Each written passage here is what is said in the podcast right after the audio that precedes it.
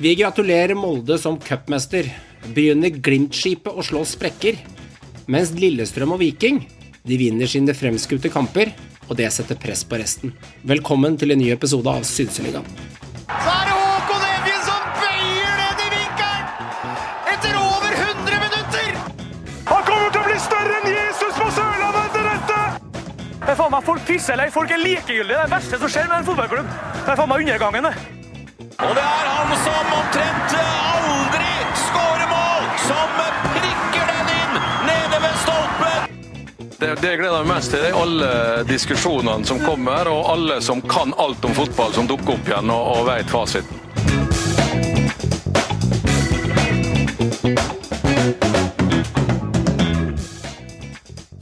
Ny uke, med Meran. Nye muligheter. Er det ikke deilig Miranda, å tenke på at dere hadde en, eh, en synsekspert som faktisk eh, nevnte sist, hint hint til programlederen, at Molde kommer til å ta det hjem, mens dere andre gikk rett i Glimt-fella? Jo. Det er eh, Du hadde rett der. Ja.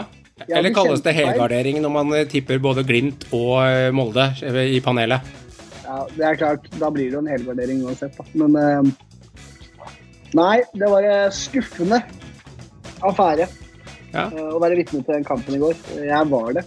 Ja. Eh, jeg skal innrømme jeg sov bitte litt i første omgang. Mm. Men det var kun fordi det var så deilig i sola og alt var herlig. Men eh, eh, det, var en, eh, det var en interessant kamp, det må Ja. jeg si. Og mm, Molde vinner faktisk fortjent, spør du meg. Åssen har uka vært ellers for deg? Det sola begynner å titte opp der du bor òg? Nydelig. Det er så deilig å få til hagemøbler nå. jeg. Ja, du har det? Ja, ja, ja. ja. Er det Kjøpt meg til og med en ny sånn hengekøye-greie. Ja, ja, ja, ikke noe tull. Er det fant med elef elefantslangen, eller det vil si liksom hageslangen, og spyle på for hard, hard medvind, slik at det bare flasser av, eller gjøre det rolig og gentle og vaske pent? Nei. Veldig gentle. Veldig gentle. Må tenke på naboene, vet du. For her, hvis jeg driver, holder på som en gærning, så, Ja. så har jeg alle naboene på nakken, vet du. Så det, det går ikke. Joakim, du bor litt lenger opp. Hagemøblene ute, sola nytes, eller er det fortsatt sånn 10 cm med sånn skitsnø liggende her hvor du bor? Nei. Det har ikke vært snø her siden i mars, tror jeg. Ja, det er ikke så lenge siden. Så Nei, det er eh, Her er det ganske varmt og godt og behagelig å sitte ute. Ja, deilig. Utemøblene kom ut for eh, lenge siden. Jeg har jo terrasse, så dem har jo stått ute hele vinteren. Så det er jo ikke idiot. Ja, Starta sol, solinga i solveggen i januar, du. Håvard er ikke med oss i dag. Han er rett og slett på cup, nei, ikke cupkamp, han er på eh, seriestart eh, med, med Lier, som jeg har skjønt det riktig. Så derfor så blir det Joakim og Meran. Men vi har jo med en egen synsekspert i dag. Tom Nordli, velkommen. Velkommen. Det er en stund siden sist, men det er deilig å ha deg med igjen. Ja da, takk for det. Jeg har jo hørt på dere da, i mellomtida. Ja, du har det. Du har hørt mye rart òg, eller gjør du ikke det? Ja, stort sett. eh, Det kommer seg, blir bedre og bedre. Ja, eh, bedre og Så bedre. blir man jo litt uenig og irritert innimellom, men det ville vært for jævlig hvis alle fire skulle være enige hele tida. Ja, det hadde Det vært, hadde vært eh, bøtte kjedelig. kjedelig, hadde det ikke det, hvis alle var enige? ja, det er enig. Jeg merker på lyttertallene, Tom, etter forrige episode. Det er litt interessant at eh, forrige episode av Synseligaen, den slo rekord for året på antall nedlastinger. Det var sånn søyle jeg ser på. Da sto at den vippa noen prosent over den forrige, som var i starten av mars måned. Eh, er det tilfeldig? Er det at det er så elendig det al- alle andre leverer, ikke i kvalitet, men at vi har så få eh, men jeg mener med elendig andre podder, at vi har ikke så mange podder, så Synseligaen får restene skrapt opp fra bordet, så vi er heldige å ha lyttere, eller hvor ligger linja her? For det er ikke så mange som snakker om Eliteserien samlet.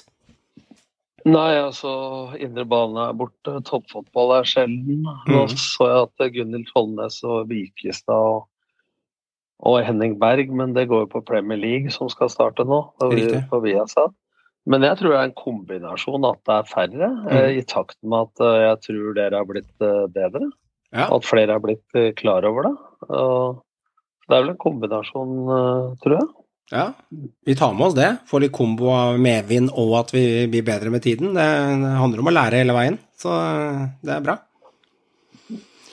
Gutter, denne cupfinalen, eh, Meran, du sier du var litt skuffet. Eh, Ja, hva, hva er du jeg var litt skuffet. Er Flere ting. Ok. Eh, mer Glimt egentlig jeg er skuffa over, da. Men Ok. eh, fordi, fordi, spør du meg, da, så utfører egentlig Molde en veldig god kamp.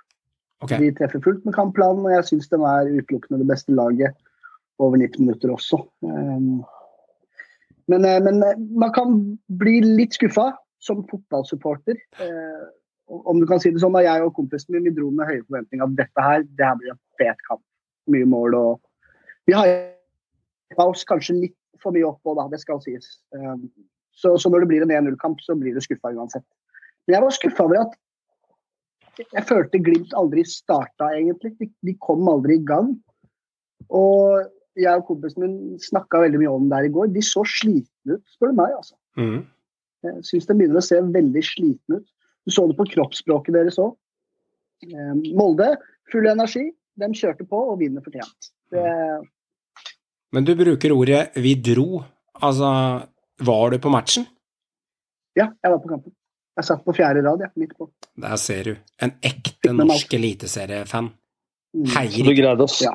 du greide å sovne på stadion, med andre ord? For jeg Ja, fordi den første omgangen var bøtte ja, men, ja, men jeg reagerte i stad på at du sovna i sola, så tenkte jeg har en TV på terrassen, men du var på stadion. Nei, nei, altså det var nydelig. Her sitter jeg der, jeg og kompisen min, og bare den sola steika oss i ansiktet. Det var helt herlig. Det var nydelig, nydelig dag på Ullevål i går. Fin ramme og litt skuffa over Molde for ikke å ha fylt ut hele supportersida deres, Ja. men, men utover det, herlig ramme. Fin ramme fra Ullevål og nydelig vær og bøtte kjedelig første omgang. Det er en opplevelse ja, å dra og se, da. Det er en opplevelse å ta med en kompis og dra og se på en sånn match, for sånne matcher er historiske uansett. Ja, jeg drar titt og ofte på de cupfinalene. Men nå har jeg ikke vært på en cupfinale siden 2018. Mm. Det var vel Rosenborg-Godset. Mm. Så det var på tide. Det var, det var veldig gøy. Og, og, så må jeg skryte av kiosken på Ullevål stadion. Ja, De har skjønt det, altså. ok. Det- var noen pølser. Det var, eh, de solgte til og med bagetter til dessert. Min kompis var en av de, så han kjøpte selvfølgelig en bagett. Var kjempefornøyd. Popkorn har de begynt med nå! Ja. Det var nydelig! Stor bøtte med popkorn. Riktig mengde med salt. Eh, Tom, hadde du samme opplevelse som, eh, som Merando, uten at vi, hvis vi trekker ut kiosken og at han var til stede i sola på fjerde-femte rad? Din opplevelse av matchen?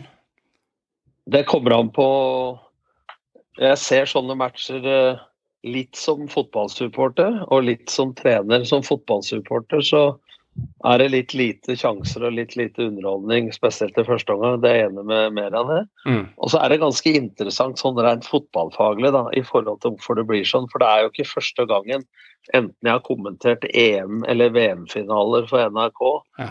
eller det er store kamper i Norge, så har du de største forventningene. Jeg husker Nederland-Tyskland en gang. Hadde det ikke vært for at det var 70 000, så kampen gått på Voldsløkka for 1100, så hadde vi kjeda deg.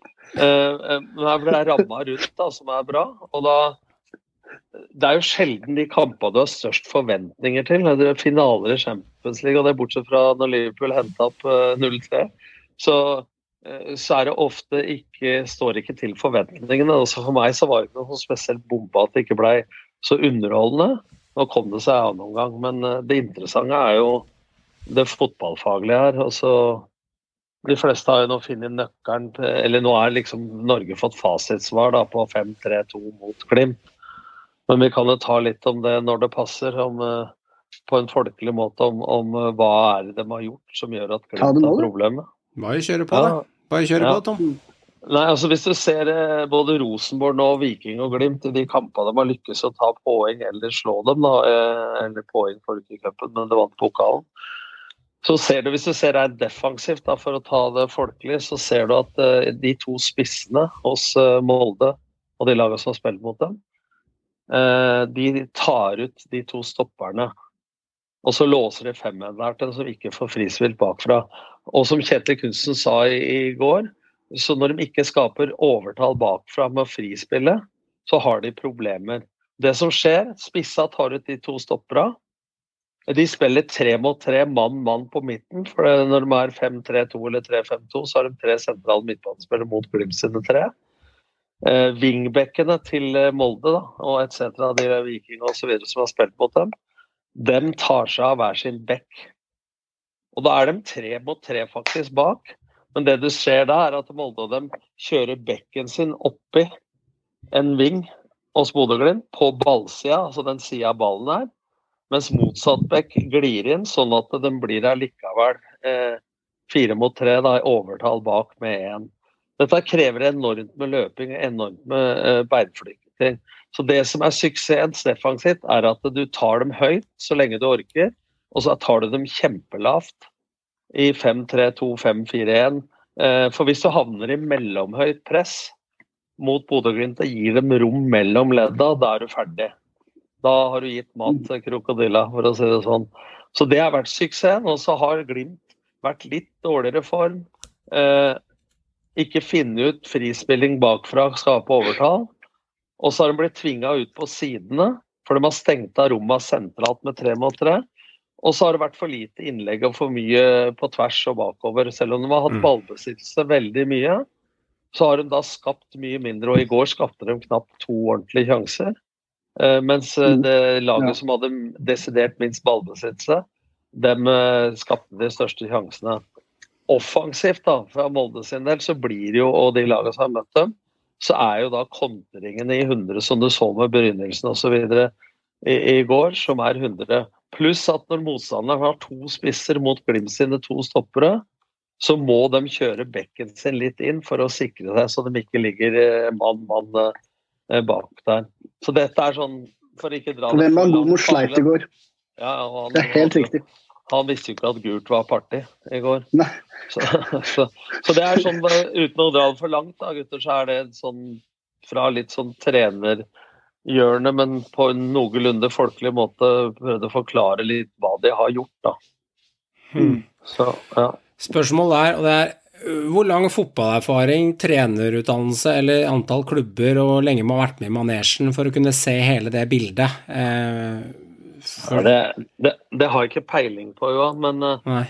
vi, jeg snakka med Geir Bakke, her, treneren til Lillestrøm, og det man ser tendens på, er at nå med de nye scouting-verktøya, de har droner, de har vester eh, og alt mulig rart, så er det ingen tvil om nå at alle lag som eh, blir intervjua før kamp, sier vi må spille vårt spill og ta tre poeng. Men vårt spill er liksom ikke som Fagermo gjorde mye i Vålerenga, da de har plan A, så er det ikke noe mer. Det blir mye mer og mer bruk av video, mye mer hensyn til motspill. Altså De tar mye mer hensyn til det andre laget. Så nå er å spille sitt spill nå, bortsett fra Bodø-Glimt, som tører på, så blir det mer sitt spill i forhold til den neste motstanderen og den kampplanen de har for å vinne den kampen. Det er også en form for utvikling, for alle prater om å Mm. utvikle sitt spill. Mm. Men men det er jo en måte å utvikle sitt spill mot bedre motstandere. F.eks. da hva vil Lillestrøm gjøre nå mot Bodø-Glimt? Vil de gjøre det samme i cupkampen nå for å øve litt på det? Og komme i den formasjonen f.eks. For til helga? For Lillestrøm skal også ut i Europa. Altså Er det en øvelse på sånne ting hvor du veit du ikke vil ha ballen mye? Ikke sant? For én ting er å ha en plan. Det hadde Egon Olsen, og planen var god, men denne han ble satt inn. Så å gå fra å si til å gjøre, da.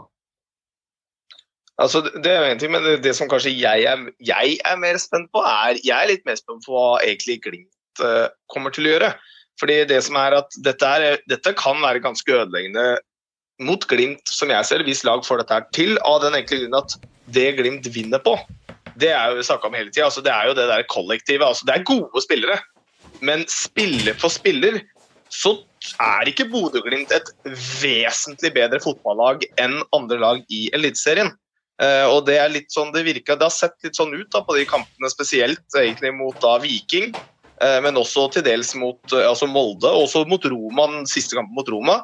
Er liksom at Når det blir forstyrra på den måten som du er inne på her, da, Tom, når den forstyrrer spillet på den måten og ikke tillater dem å spille sitt eget spill, så virker det som at de veldig fort går tom for ideer og har egentlig ikke noe backup-plan. Så det jeg er spent på er Hva kommer til å være Glimt sin eh, backup-plan? Hvordan kommer de til å møte dette her når flere og flere lag uh, kanskje prøver å gjøre det samme? Nå er det mange lag som ikke er så gode. Nødvendigvis spørsmål. Mange som kommer til å slite fordi rett og slett Glimt er bedre mann for mann. Men det er tror, mange lag i Eliteserien som jeg mener er på nivå med Glimt spill for spiller. Eh, Ja. Der mener jeg ikke de er noe særegne. nei, men jeg tror riktig som du sier, men jeg tror at eh, det er flere lag som greier å klekke ut planen på trenerbenken, men det er ikke alle som har kapasitet spillemessig til å gjennomføre det. Det er ikke så mange lag. Men jeg tror to ting skjer. Jeg hørte på Kristoffer Løkberg nå i Spillerådet. De var litt irritert faktisk, for at etter den kampen som eh, Bodø-Glimt vant i cupen, så var det ingen kreditt til, eh, til Viking for at dem hadde vært vanskelig å spille mot. Det var bare at Bodø-Glimt hadde vært ræva. Ikke sant? Og det er litt naivt, for det var litt nei, Vikings fortjeneste, selv om de tapte kampen. Og det brukte Viking som en sånn motivasjonsgreie mentalt inn mot den eh, seriekampen nå på, på Viking stadion. Og så da bestemte Løkberg og co. seg for å ta dem enda høyere så lenge de orka. Og de skulle lage det første frisparket, og de spilte litt over grensa sånn eh, råtassmessig. På vilje, for å nettopp gjøre som du sier, for å forstyrre dem. Og da har Bodø-Glimt to valg. Det ene er at de må lære seg at å være best, som Rosenborg var i mange år, så kommer alle til å ville slå deg. Alle kommer til å tråkke deg litt på tærne. Alle kommer til å bruke alt de kan i media for å kalle det usympatisk osv. Det er der nå Saltnes, som jeg digger, som jeg hørte på Heia fotballmann, er en fantastisk fyr, men du kan ikke begynne å sutre for at noen piper på deg i cupfinalen. Nummer to er at dem må sørge nå for å ha en plan B, og det har de. Eh, Men de må sørge for å utvikle sitt eget spill enda bedre. Det er plan A. Mm. Og plan to, det må bli bedre til å frispille bakfra. Men så må de slutte å tro at det er bare det som gjelder, sånn som jeg syns de gjør litt med Fagermo og Vålerenga. Det går faktisk an å kippe en ball opp på en Boniface eller unna Espejord og holde i den Ja. kula og komme etter. De ønsker Bodø-Glimt å komme rettvendt i mellomrom foran backrekka til motstanderen. Det er deres drømmeposisjon. Da er det tre måter å komme inn i det mellomrommet på. Det ene er å gjøre som Bodø-Glimt og frispille bakfra, skape overtall to mot én. Det er punkt én. Punkt to det er å slå opp på en feilvendt kant eller spiss, altså over midtbanen, og, og så støtte og sette spillet derfra. Nummer tre er faktisk å slå en drillopasning mellom stopper og bekk hos motstanderen, og ha et klart bevegelsesmønster etter, og vinne det rommet der, for å vinne andreballen i det mellomrommet. Det fjerde da, er vending av spill. Som de eh, må gjøre mye mer direkte, ikke innom alle spillere. Det er fire kjente måter å spille på. Og de knaggene der, utenom frispilling bakfra som de øver på, må de utvikle enda mer. Fordi at motstanderen blir dyktigere for hver gang de har møtt dem, til å stoppe Bodø-Glimts vinnerformel. Og Det er sikkert Kjetil Knutsen og kompani klar over, men akkurat dette føler jeg at jeg har litt greie på. og det, dette er eh, Ja, det er nesten så jeg sier at eh, det er gode råd. Ja, det her er jo eh, fagkompetanse. Og, og jeg har, jeg har, jeg har Men jeg føler at det, jeg føler at det ikke ble Altså, Dere forestiller meg, men jeg prøvde Neida. å si det på en måte så det skal være mulig for Ola, Kari og tanta på Tveita å skjønne. For jeg tror ikke det der var noe Nei. så kjempefarlig. Jeg kjenner meg som tanta på. Tveita nå. Jeg forsto. Jeg forsto. Så Ja. det, det er, men jeg har et spørsmål Du her. kler, hånd, du kler håndveska. Ja, jeg, og- jeg, og- Bra, Jeg og Gåsa Solbakken i, i 1997-sesongen på Åråsen fløy rundt på midtbanen og styrte spillet med, med lav panne og, og håndveske. Han så ut som Daisy Duck utpå der. Men eh, en ting jeg må si, og det er at eh, hvis de velger å frispille bakfra, eh, og de to stopperne blir låst av, blir det mer press på eh, den defensive eh, midtbanen til Glimt? Altså blir det mer press på eh, eh, Hagen? Eh, og han må gjøre, Elias Hagen må gjøre seg enda mer tilgjengelig, og det kan gå utover kvaliteten på det han be- besitter i forhold til de andre? Ja, Det går ikke utover kvaliteten, kvalitet, men du så det i går, at han er god. Ja, Man har ikke beinforflytninga og eh, kunnskapen én mot én som Patrick Berg. Så når han da ikke er så kjapp, selv om han har det kloke hodet og pasninger, men han trenger tid, når han ikke får tid, så skjønner jeg at Gaute Wetti som skadefri å komme inn i systemet, kan få en like stor framgang som Hugo Vetlesen har hatt. Eh, Så, så, så det kommer litt an på eh, hva de møter, rett og slett, da, tror jeg. Mm. Eh, Sånn at eh, De har tross alt, med all honnør til Bodø-Glimt, greid i stor grad å erstatte den de har mista. Mm. Men det er klart at når motstanderen blir dyktigere og dyktigere, eh, så er det som Joakim riktig sier her, at det, er jo en del spillere der på papiret som spilte i Grorud for et års tid siden, og som, eh, som har vært reserver i Lillestrøm osv., som de har greid å få inn i kollektivet i Bodø-Glimt. Så det er jo et poeng. Og så er det en mental ting til at det blir sånn når Bjørn Borg slo gjennom i tennis i Sverige. Når én gjør det, så skjønner alle at det, andre at det er mulig. Når ett og to lag nå plutselig tar Bodø-Glimt, så begynner andre å skjønne at det er mulig. Og så er det om å gjøre skal de kopiere den formasjonen, eller skal de gjøre det på sin egen måte. Mm. Det er den ene veien, men den andre veien er også, som man var inne på litt forrige på, da, er jo det at du ser altså hvor godt gjør egentlig de Glimt-spillerne som går ut da. De fleste gjør det jo egentlig ikke noe spesielt godt. altså De fleste eh, havner på benken. altså De får ikke spille fast. Og Det viser jo da at det er noe med det kollektivet. da, og Det er derfor eh, det er noe som eh, man er inne på her, at dette er noe, altså Glimt må finne ut av dette som et lag, hvordan de skal komme til det på en god måte. Fordi spillerne er ikke gode nok til å fikse dette på egen hånd eh, og spille som vanlig. Det, det er de ikke. Og Dette hørte jeg dere i forrige podd også, og det mener jeg at dette var tendensen også til Rosenborg i gamle dager. Hvor mange av de som gikk ut fra Rosenborg, eh, Harald Brattbakk sleit tidvis i Celtic, og, og Trond Egil Soltvedt altså, Du kan jo nevne, bortsett fra Carew og sånn, så kan du nevne en haug av spillere Masse. eh, så, som ikke det, på, Nå er det annerledes, men på den tida så var ikke samhandling så i høysetet i en del internasjonale lag. Det var ikke det kameratskapet. Det var albuer ut og lønninger og kjemping om posisjoner. Eh, og da var rett og slett de individuelle ferdighetene til de norske spillere ikke på nivå med de eh, i utlandet. Og da var de vant til å ha en klar rolle. Når eh, indreløperen var sånn, så var vingen sånn osv. De visste hele tida hva de skulle gjøre. Og det skjer sjelden, i hvert fall i en del lag. Det er noe annet med, med City og Real Madrid og sånne ting. Men hvis du kommer til, til middels klubber, da. Så selv der så var ikke Rosenborg-spillere heller noe dominerende i utlandet. Nei. Men det viser jo igjen en, den individuelle ferdigheten som Joakim sier, men det viser igjen også hvor sterkt det kollektivet til Rosenborg i gamle dager og Bodø-Glimt nå har vært. da. For det er, det er klart at Hvis ikke Bodø-Glimt hadde hatt en så forankra spillestil fra guttelaget oppover gjennom mange år, pluss det Kjetil Knutsen har tilført i, i tillegg, for de har alltid vært gode på kontringer og lavpress, så er det klart at dem hadde ikke hvis de spillerne som har kommet til Bodø-Glimt nå, Elias Hagen og de spillerne, Komson og, og Wengambom og alle de folka, de hadde ikke vært i nærheten av å vært så bra, dem, i et lag som ikke rollene er så tydelige på forhånd. Men der har Glimt vært dyktige da, til å hente folk som passer til de rollene de skal ha. Mhm. Ikke sant? De vet, Sånn spiller vi, vi skal ha deg, Joakim, fordi du kan det og det i den og den rollen. For å snakke litt om Viking og Lillestrøm, da. Um, og det de, eh, har, det de har levert hittil i år, altså For meg ser det ut som de har tatt steg. Altså En kamp som nå som Lillestrøm har to på rappen nå de siste fem minuttene, så det er kamper de hadde kanskje tapt eller spilt uavgjort i fjor, gjerne tapt mot Molde borte på slutten der. Det er jo klassisk Lillestrøm hvis du hører med en, en Lillestrøm-supporter, men eh, nå har de faktisk to på rappen, det er jo holdbart avgjort. og hvor langt, kan, kan det gå? Altså, Merando, eh, du har jo snakka varmt om Viking lenge. Eh, Dine tanker rundt de to laga? Viking, altså jeg føler vel, Det med Viking avhenger veldig av hvor lenge de klarer å beholde Berisha, egentlig. Ok. Eh, Jeg føler det står og faller litt på det. Selv om du har Tripic, du har flere der. Men selger dem Berisha, da tror jeg det stopper litt opp. Eh, Lillestrøm derimot, der har du hele kollektivet. Jeg føler ikke at hvis de mister Med mindre ikke er snakk om Gjermund Aasen, da, hvis de mister en enkeltspiller, så føler jeg ikke at Ja, for de mista jo Lene Olsen med 25, 26, 27 det er det, og jeg og føler de jo har blitt bedre på mange måter. Ja, jeg føler ikke de har blitt bedre nå, jeg. Mm. Så, så Det er to litt, to litt ulike saker for meg. For jeg føler at hvis Viking mister Berisha, så klarer de ikke å ta det sorry. Ok.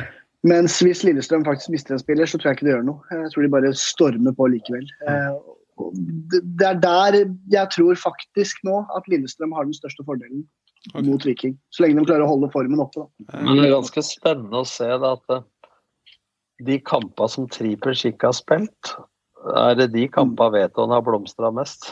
Bare sånn, eh, Det kan være tilfeldig. Ja, Eh, Men, men det rare er å se på at Viking har hittil spilt bedre sprudlende og mer underholdende enn Lillestrøm. Så de er nærmere toppnivået sitt i enkeltkamper enn Lillestrøm har vært. Jeg har sett alle Lillestrøm-kampene. Det har egentlig vært to middels Altså, det, Mot Haugesund var middels minus. Nå var det sånn fotballfaglig veldig solid mot Ålesund, men de skaper lite, og de får sjansene Det er bare én og to målsjanser imot disse kampene, men dem er til gjengjeld veldig store. Men Lillestrøm er solide. Du ser hva de prøver på defensivt og offensivt, men de har en del å gå på i balltempo og vending av spill, annet. De spiller veldig mye på én side. Men jeg tror Lillestrøm har større forbedringspotensial gjennom sesongen, om, øh, og de har prestert nå. Så vil noen si Lillestrøm med tre nyopprykka lag, pluss Haugesund og Molde. Men så er det det igjen, da. Motargumentet mitt er at de har møtt tre nyopprykka lag tidlig. Og de nyopprykka laga, Jerv, Ålesund eh, ja, Hjelp meg med det siste. HamKam. De, har- de, de har jo faktisk tatt en del poeng mot andre lag. Så det er jo bare mot Lillestrøm Jerv har fått fire i sekken. Ja, det er ikke lette poeng- matcher å få de i de Nei. første fire-fem rundene. Den burde ha vært eh, poeng til med Jerv på Intility. Så det der Det får ikke gjort noe med terminlista. da. Lillestrøm får ikke spilt mot andre lag enn den de har spilt mot. Nei. Men i foreløpig så, er- så har Viking vært mer underholdende og ramma rundt osv.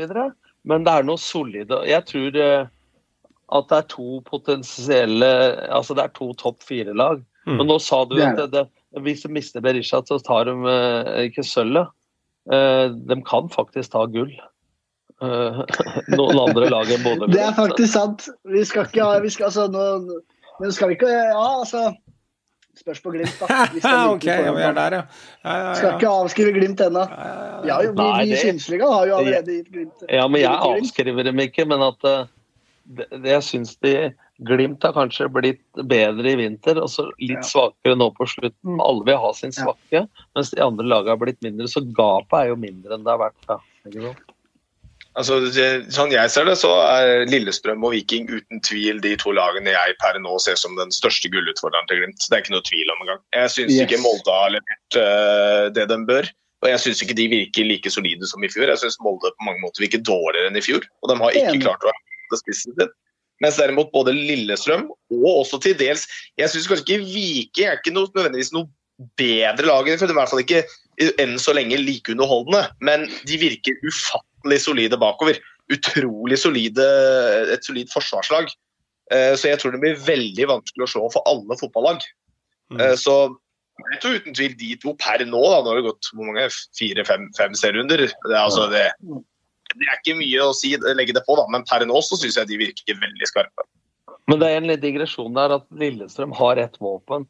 De har blitt kalt dødballaget nå i alle år, og de har ikke hatt noe dødballag eh, omtrent siden jeg var der, i typer. da. Men når de kommer nå med Adams eller Fridjonsson, Tom Petterson, eh, Ogbu eh, Mm. inn der i, i full fart, og Garnås, så er, og de har skåret mye på dødball nå, så der har de også et våpen da, som, som eh, Viking ikke er fullt så, så bra på. Men, eh, men jeg føler Viking eh, har for meg vært litt mer sprudlende, men har ett poeng mindre enn Lillestrøm. Mens Lillestrøm har tatt de poengene som Johan sa, og vunnet kamper som de i fjor ville ha spilt uavgjort eller tapt. Og det skal ikke undervurdere den derre Nei. evnen og mentaliteten der. Da. Og der har jo Gjermund Aasen stått fram som en kaptein. Og så sa jeg det i en annen podd tidligere i dag, at selvsagt så er de sånn. Selvsagt er de sånn Lillestrøm at når de samler Nå har det blitt en norsk ting å samle seg ring etter scoring og si ting. For det er jo bevist at hvis du er for glad og så videre, så skaper du eh, hormoner, og, og det skåres mål etterpå. Men det er som jeg sa, når det er 4-0 mot Jerv og ett minutt igjen, så trenger du ikke å stå i ring. Da kan du få lov å juble litt ekstra. Men det har hatt en betydning for kulturen som bygges opp. da, Nå kjenner jeg mest til Lillestrøm. Og det er aksept, aksept for å starte på benken. Og så har det har vært et tema. For nå har altså i tre-fire kamper på rad, så er det innbytterne som har avgjort før den siste kampen nå, Mm. for Lillestrøm. Mm. Så Det er like viktig hvem som avslutter kampen, som hvem som begynner. Da. Det har vært et tema, faktisk, for å holde alle folk varme. da. Og det er et kvalitetstegn. Eh, ekstrem kvalitetstegn. Eh, så gjerne skulle hatt et ekstra poeng, som du nevner, i den ene kampen der mot et antatt svakere lag, men eh, pytt pytt. Eh, de, man kan se det fra mange vinkler. De fikk en Molde-seier der på slutten, og de fikk forrige kamp også, så det er kvalitet når de, når de klarer å kaste inn sånne spillere på banen. Det er imponerende. Jeg beit meg merke i starten av introen her, eh, Tom, at du brukte å mate mannen til krokodilla. Det er litt Synseligaens ånd. For det, er det et kjent uttrykk, eller er det litt sånn Johan-style finner på på farten? Nei, det var faktisk noe jeg sa helt til det kom fra seg sjøl i stad på den poden i RB. fordi jeg syns jo liksom Vi diskuterte om Lillestrøm skulle gå ut og spille sitt spill, eller om de skulle ta Ja, ja. hensyn til Bodø-Glimt til helga. Mm. Så mente han Fredrik Larsson Blakaren at det er bare å gå ut og spille sitt, det er ikke noe å tape. Da tror jeg det blir for naivt. Ja. Så jeg sa det at den inngangen Bodø-Glimt hadde mot Roma borte, Mm. er for meg noe av det dummeste Bodø-Glimt har gjort på tre-fire år. Mm. For den naiviteten når det er fint nok for Maldini i gamle dager å sparke ballen over tribunen på San Siro, så må det være fint nok for uh, Samstedt òg. Ja, ja. Altså, den inngangen der og da gir du mat til krokodillene. altså Vær så god. Og så eter de opp hele deg, så du er dau etter fem minutter i den matchen Ja. I Roma der. altså Den inngangen likte jeg ikke, for det var etter min Og det er ikke noe etterpåklokskap. Jeg sa det etter ett minutt. At eh, der ville jeg slått lenger. Drøyd tida, fått ballen ut av banen, så kan du si det er kynisk og det ikke er utvikling. Men skal du bruke en kamp om å komme til kvart semifinale i Europa på utvikling, Mm. da gjelder det å vinne. Da er det ikke tid til kollokviegrupper, og nå skal vi utvikle oss. altså. Da skal vi vinne matcher. Så, så jeg skryter Bodø-Glimt opp i skyene på mye. Men den inngangen de hadde i Roma, det var mat til krokodillene. Der kom det uttrykket. ja, jeg liker det. Kjempeuttrykk. Det er jo Ja, det var ikke noe bombe at du likte det. Nei, det er helt riktig, det. Det er, kan du bruke sånn det, Nå er det myse litt for lenge på lakrisen, nå er det mat til krokodilla, nå er det på tide å finne twist i twist-posen. Altså, jeg elsker jo sånne ting. Det er fantastisk. Ja.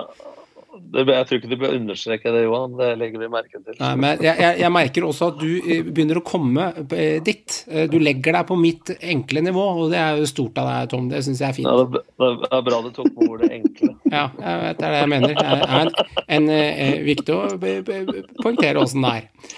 Så det er, eh, det er, det er herlig. Det er bra. Da er det store spørsmålet, da. Lillestrøm-Glimt eh, til helga. Vi snakket om det for en uke siden også, og da pratet vi om at eh, Lillestrøm kan faktisk sette en liten kniv i denne ligaen her og vri den om litt. Grann. For hvis de vinner den bortekampen her, Da er det ni poeng foran.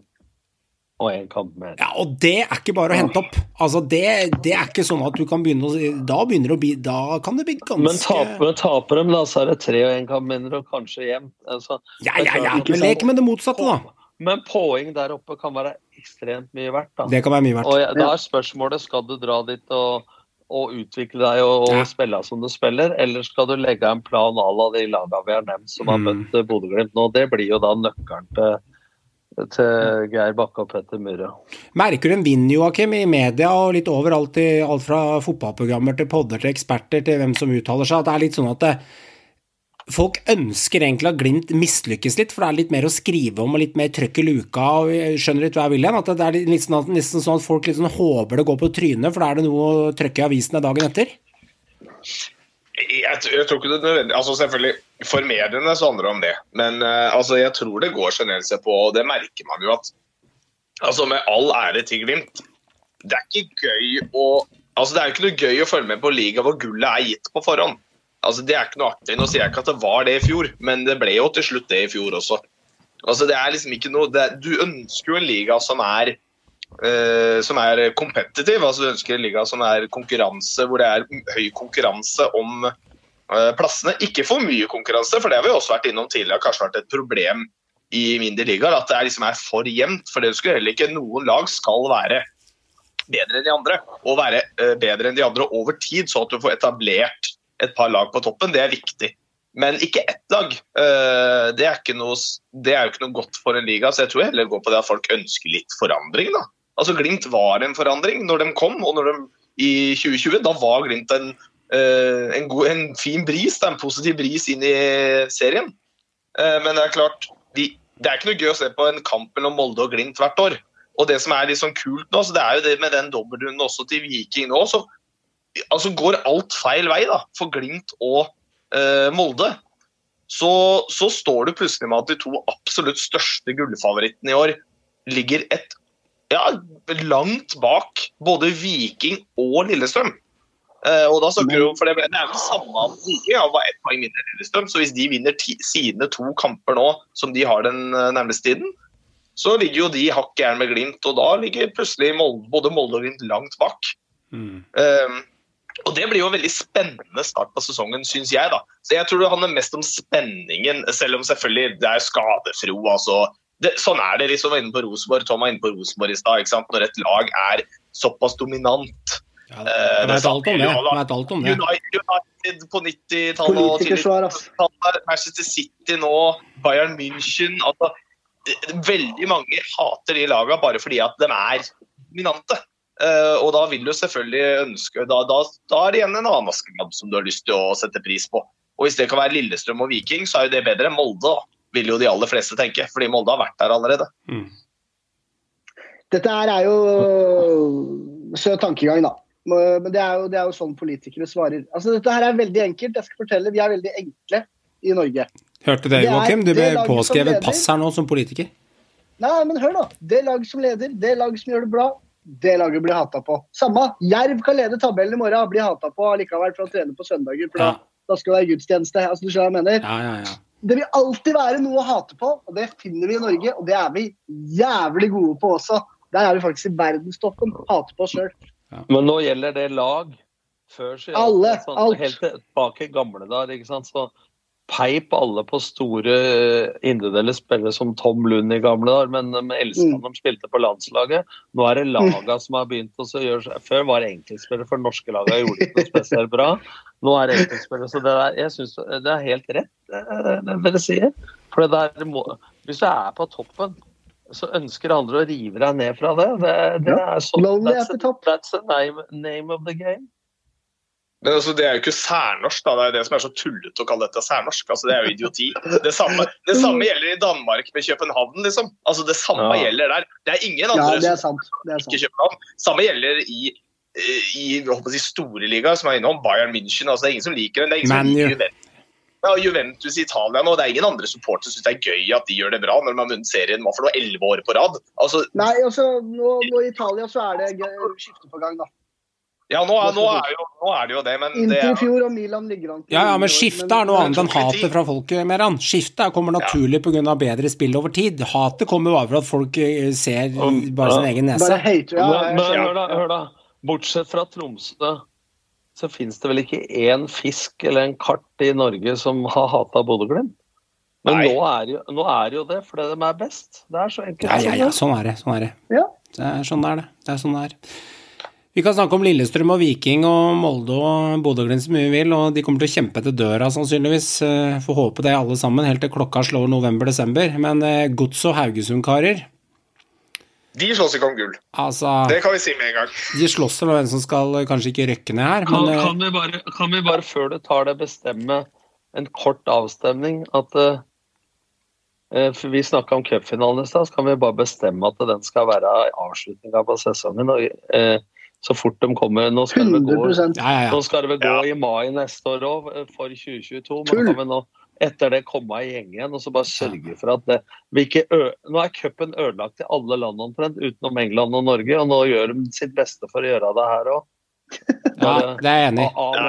Amen. Før vi går videre. Det er jeg enig er enig. Det er så cupgullet til Molde er så et halvt cupgull. Altså, det nesten ikke gjelder ikke så mye når det ikke er spilt på høsten i fjor. Det er nesten litt sånn all, over det. all respekt for landbruksministeren, altså, men det er, det er der vi deler ut kongeballen nå. Ja, ja, ja, jeg er enig. Men jeg, måtte le, da. Det var jo litt stygt. men- Jeg skal ikke si det stygt om det, men jeg tror ikke kongen har noe mer erfaring om det. Men det var en kommentator i går som lurte på Jeg kjente ikke til fotballkarrieren til landbruksministeren, men den har vel ikke vært så stort eh, for de andre som har vært her heller. Men, eh, men jeg tror vel at det at kongen har vært her, eller kongefamilien og sånne ting, og det har gjort det litt høytidelig. da. Det har vært en festdag eh, for, for hele Norge, egentlig. Og det har vært stappfullt, stort sett. Vi lar den ligge der. Den må spilles på høsten som en av de siste kampene i året. Enkelt og greit hvert eneste år. Så det er litt kondolerer over det. Yes. Ja, vi må slutte med det. Joakim, det var dagens eh, Det er det bare å slutte med. Ja, det er helt. Bare å slutte. med. Det er det bare å slutte med. Greit. Haugesund og Godset. Eh, Haugesund ser jo Altså, de ser altså Godset Forferdelig ut. Det er bare å si det. det Haugesund ser helt bort Altså, det, det er ja. altså, det er ikke vits å sammenligne. Altså, Godset har vært elendig, men Skjønner. Haugesund er en annen liga. Ja, det er- Altså, de er fryktelige. Hva er ditt, Tom, hva er ditt syn på Haugesund av det du har sett? Nei, jeg tippa dem jo på kvalik. Og, men jeg så dem på Åråsen og, og deler av første omgang mot Viking. Så det verste er at det, litt mot det dere sier nå, så, så har de hatt veldig stigning. Og, og, det har vært spillemessig ganske bra, men de skaper for lite. Men samtidig så er de på det der nedrykkshamsterhjulet, da. For at de kan trøste seg med nå at de spillemessig i en halv kamp mot Viking, en halv kamp på Åråsen osv.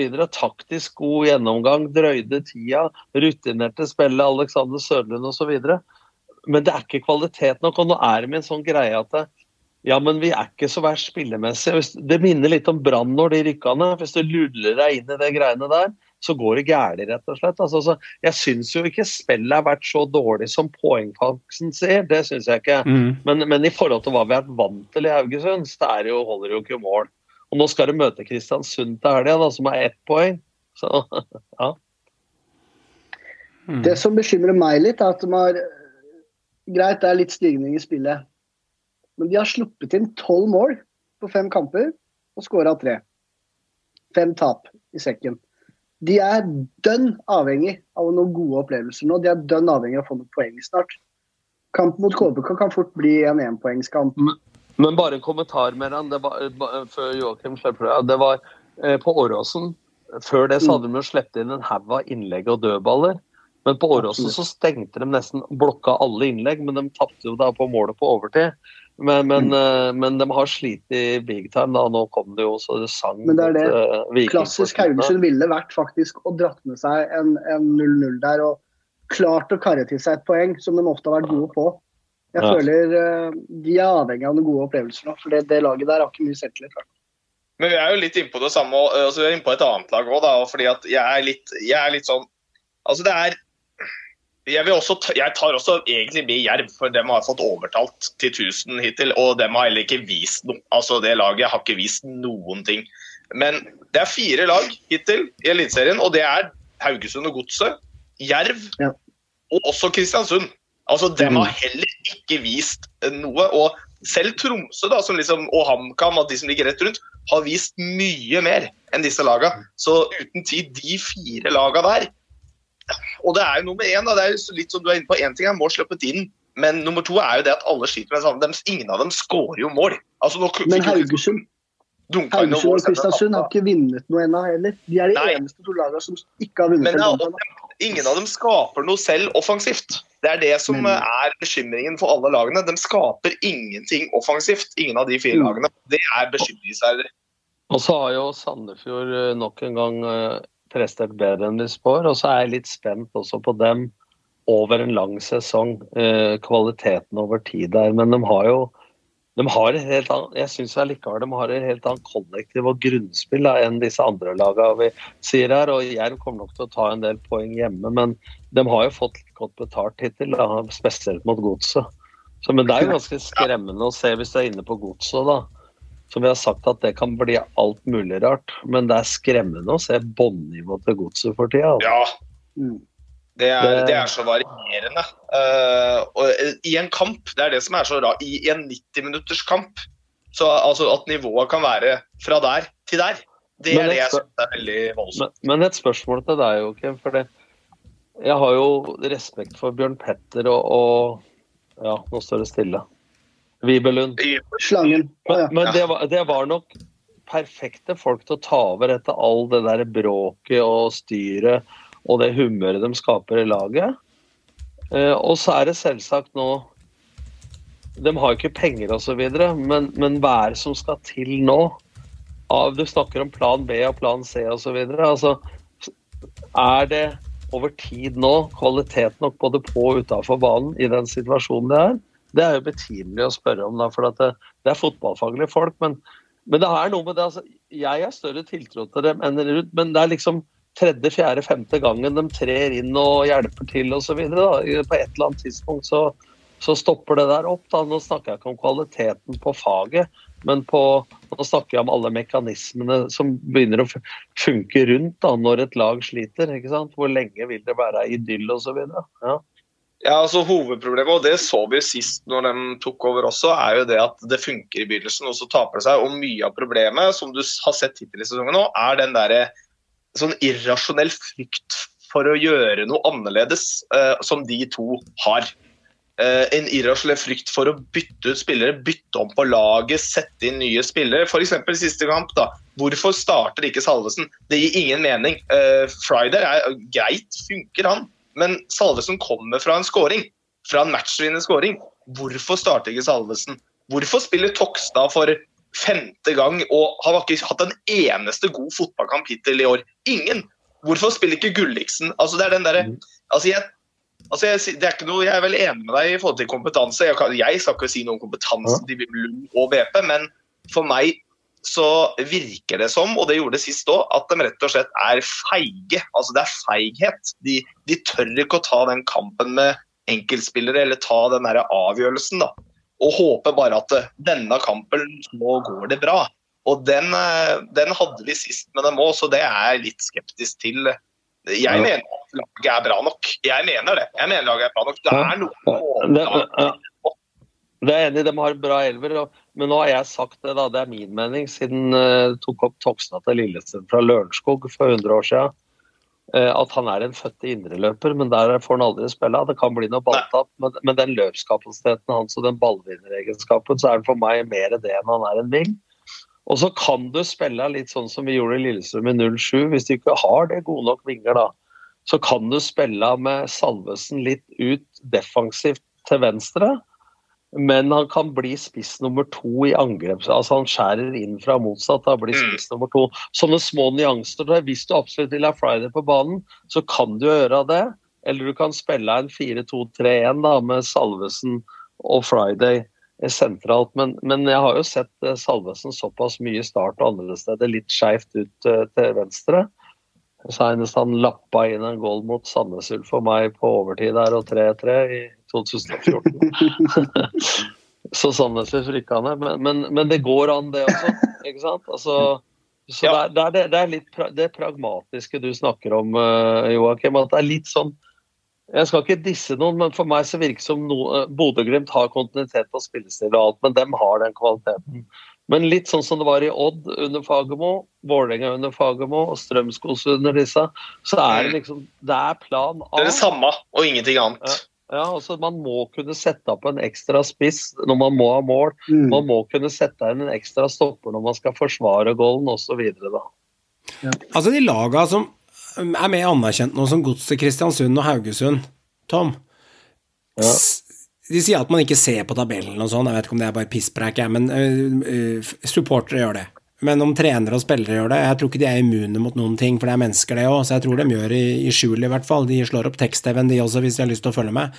Men det interessante, men det interessante er Tror du det går en litt sånn nervøsitet gjennom dem når HamKam, Ålesund og Jerv har starta så bra i år, og så blir det litt den følelsen som kan snike seg inn at å oh shit, de tre laga der burde jo egentlig vært her nede sammen med oss, men det er dem ikke. Jeg tror ikke de, de, er nervøse på det, det er litt for tidlig. Jeg tror mer mer ser på tendensen til hva de får til og ikke får til. Okay. Men at, at, de ikke ser på tabellen, det er regnestykke av løgn. For alle er klar over tabellen. Målforskjell og poeng, og de sier 'jeg veit ikke hvem vi skal spille mot neste gang' og alt det der. Det er bullshit. altså, altså, når jeg var trener òg altså, jeg turte ikke å juble før vi hadde vunnet kampen, men det hendte jeg kjørte hjem fra Kongsvinger f.eks og parkerte bilen i ei busslomme. Tok fem minutter powernap og hørte på Radiosporten og leder tabellen og digga meg sjøl og kjørte videre. Altså, du, er klar over, du er klar over tabellen uansett om du ligger i topp eller bånn. Altså, det, det, det, det, er faktisk den du lever av. Punktum. Har du gjort det, Tom? Kan jeg se for meg deg oppå, oppå Innlandet der i ei lita lomme, masse skau og elg og måse rundt, og så sitter du og digger deg sjøl i fem minutter mens du hører Radiosporten med en eller annen kvinnelig eller mannlig stemme som sier at laget ditt leder ligaen? Ja, det har jeg gjort flere ganger, men det er mest for at jeg er trøtt og sliten. Men samtidig så Men altså, det, den følelsen som trener hvor du har ansvaret Du har hatt møter i forkant, du har hatt møter i, i, i garderoben etterpå. Og så skal du hjem, og så er det kanskje unger og andre som tar oppmerksomhet. Det å få de fem-ti minuttera og suge på den karamellen ja. Å vite hvorfor var vi bra i dag, hvordan skal vi gjenskape og videreutvikle det, det tror jeg er en like viktig del Ja. som å analysere seg i hæl når det har gått dårlig. Å vite hvorfor du er bra. Altså, Vi analyserte døde når det går dårlig. Ikke sant? Altså, så, hvis det er bare det laget som vinner serien eller rykker opp, som er fornøyd med å være spiller og trener, da blir det traurig å holde på.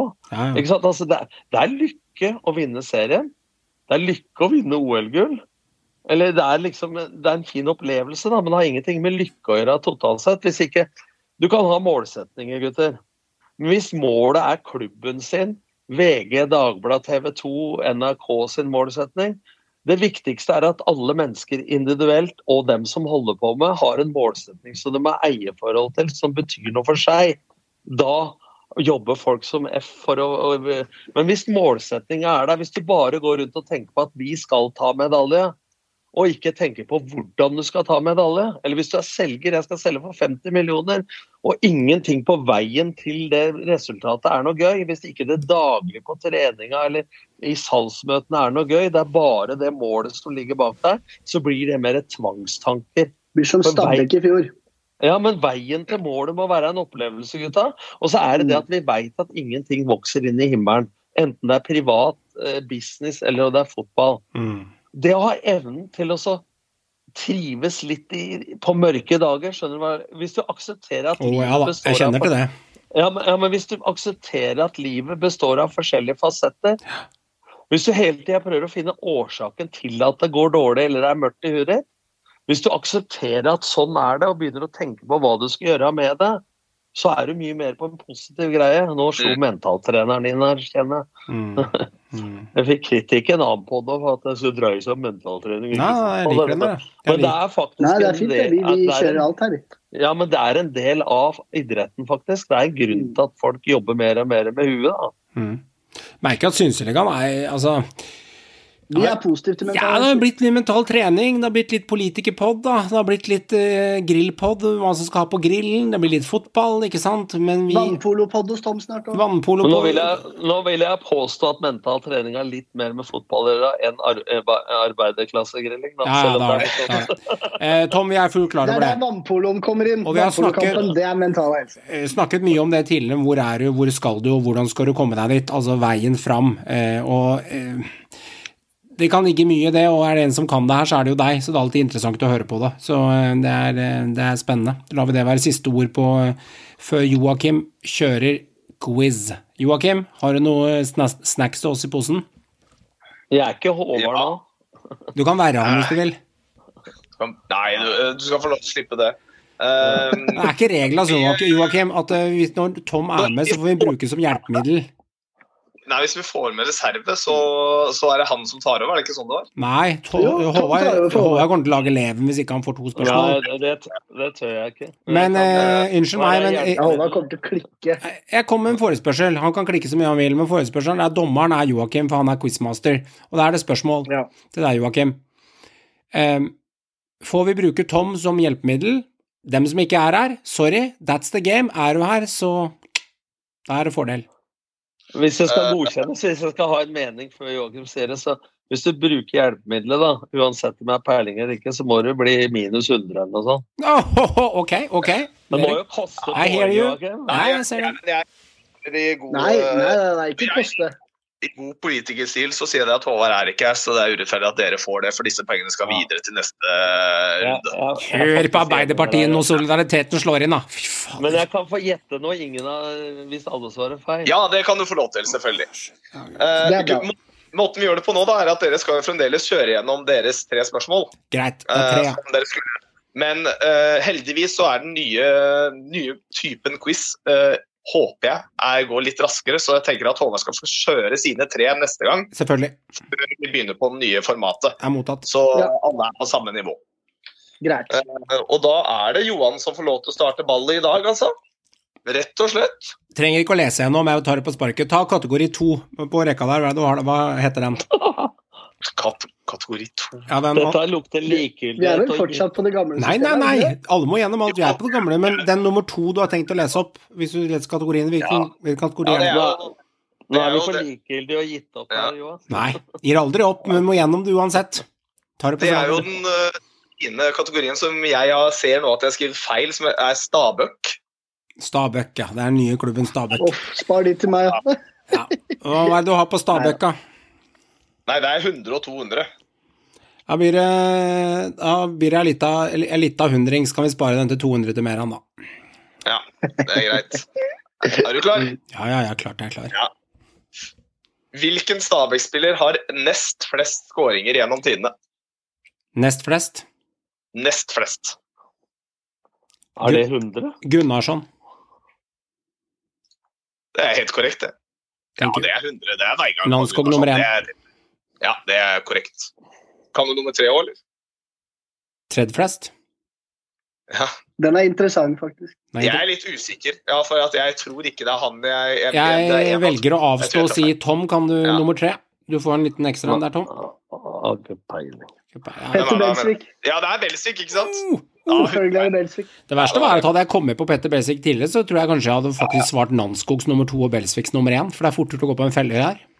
Ja, det er langt. Landskog tok den Han har, i han har spilt i for mange klubber, Belsvik, til Ja, å være nummer én. Neste spørsmål, Johan. Ja. Eh, stadiofest, hvis du har noe på stadio. Ja, der har vi en 100, vet du. Da ta- tar vi en lita, hundrings på stadio. Da er litt av hundrings der også. Du skal vi tar bare 100 på slutten, nå, bare for å safe inn et par poeng. Kjør nå. Hva er kallenavnet til Briskeby stadion? Nei, du Til Briskeby stadion Nei, du Er det en hundrings? Den er mye røffere enn 100, men det er greit. Eh, Briskebybanen er jo fansen. Eh, eh, Tom, dem hører jeg ikke. Kan ikke du bare hviske sånn rolig? Eh,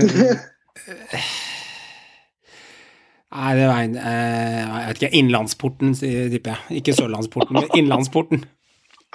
Ja, det er, det er feil. Har du lyst til å skyte noe, Meran? Vet du hva, Der er jeg faktisk helt blank. Jeg har Men det er vanskelig.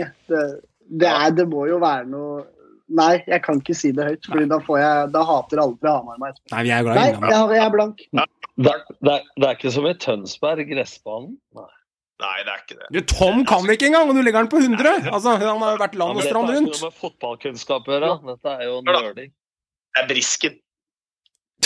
Brisken! Ok. Er det 100? Ah, Dummeste dette jeg har kallenavnet! Hva er dette for noe?! Nei, nei, Eh, nei. Joakim, innså du nå at det spørsmålet var for vanskelig til å være 100? Nei. Nei.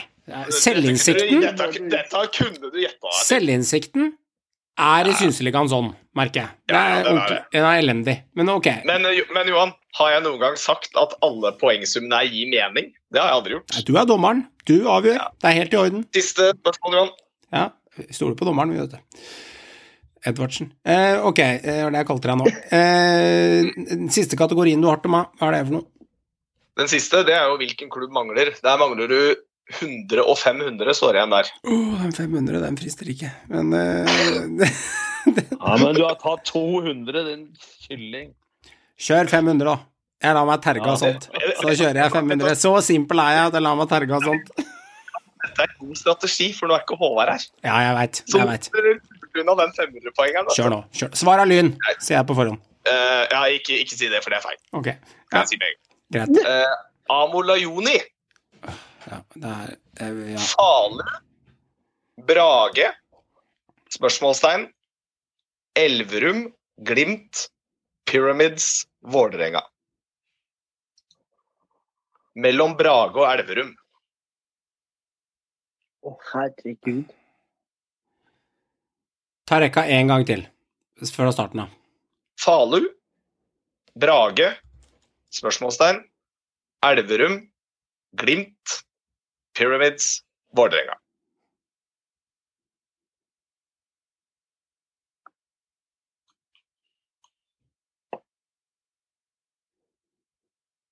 Og sitter Håvard og river, han kommer til å rive seg håret sikkert når denne her går, og han hører på meg senere. For Eh, Eh, eh, du nevnte Elverum. yes, det var før, det klubben han spilte i før Elverum. Søndyske. Ja, det er feil. Ja, Skjønner du. Meran, skal du, skal du skyte inn svaret? Nei, jeg har ikke peiling, jeg. Eh, har ikke peiling i det hele tatt. Pass. Jeg, 500 da skal være røften der.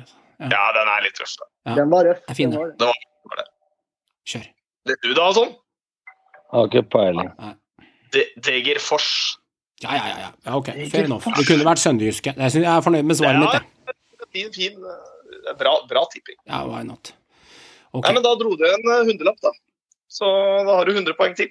Ja, jeg er kjempefornøyd. Det var uh, Irriterer meg med brisken, men det er greit. ja. Uh, mer Brisk. Jeg tar 200 Stabæk, i hvert fall. den tar du, selvfølgelig. Ja, jeg, tar den først. Ja. Yes. Det spørsmålet er antall medaljer Stabæk har vunnet på øverste nivå. Å! Å, OK. Uh, OK. Medaljer, da. Jeg liker å si medaljer. Medaljer. Ja. Uh, for vi kan jo begynne med det de har vunnet. da. Det er jo i hvert fall cupen i, i Ja, ikke, det gjelder ikke cup, dette er i serien. Dette er i Dette er serien. i serien? Å ja, OK. OK. OK. Ja. Men eh, vi tok vel en bronse i 2003, og så rykka vi ned i 04. Og så tok vi sølv i 07, gull i 08, bronse i 09. Vi tok også da en ny bronse i 2015. Der har du det. Hvor mange? Så null, hvor mange er det? Hvor mange er det? OK, OK. ok. Vent, da. Eh, tre. Eh, og så 07, 08, 09 Oi, fem. Fem! Fem? Det er eh, feil. Seks. OK, få høre. Seks. Ja, det er seks. Ja, fader, Et det er gull, på et sølv. 98, 98. 98. Jeg glemte 98. 98. Thomas Finstad i så altså Thomas Finstad i Ja, cupfinalen. Jeg veit, men to, jeg husker bare Jeg husker bare stygge Thomas Finstad. Han er ikke stygg, da, men stygg når han scora. Der var Jørn Jamfall glappen på venstre stolpe på den der sørsida på Ullevål. Da de to faen meg tok cupen før fra ja, ja, Rosenborg òg. Helvete. Og så skåret Ja. han islendingen de to andre. Riktig. Det er Ja, riktig. Det er helt riktig. Ja, ja, ja, ja. Men Ja, ja, ja. eh, da fikk jeg minus. Nå fikk jeg senka han. Nei, nei. Ja. Jeg fikk bare ikke riktig. Nei, du har jo da igjen 100 på Brann.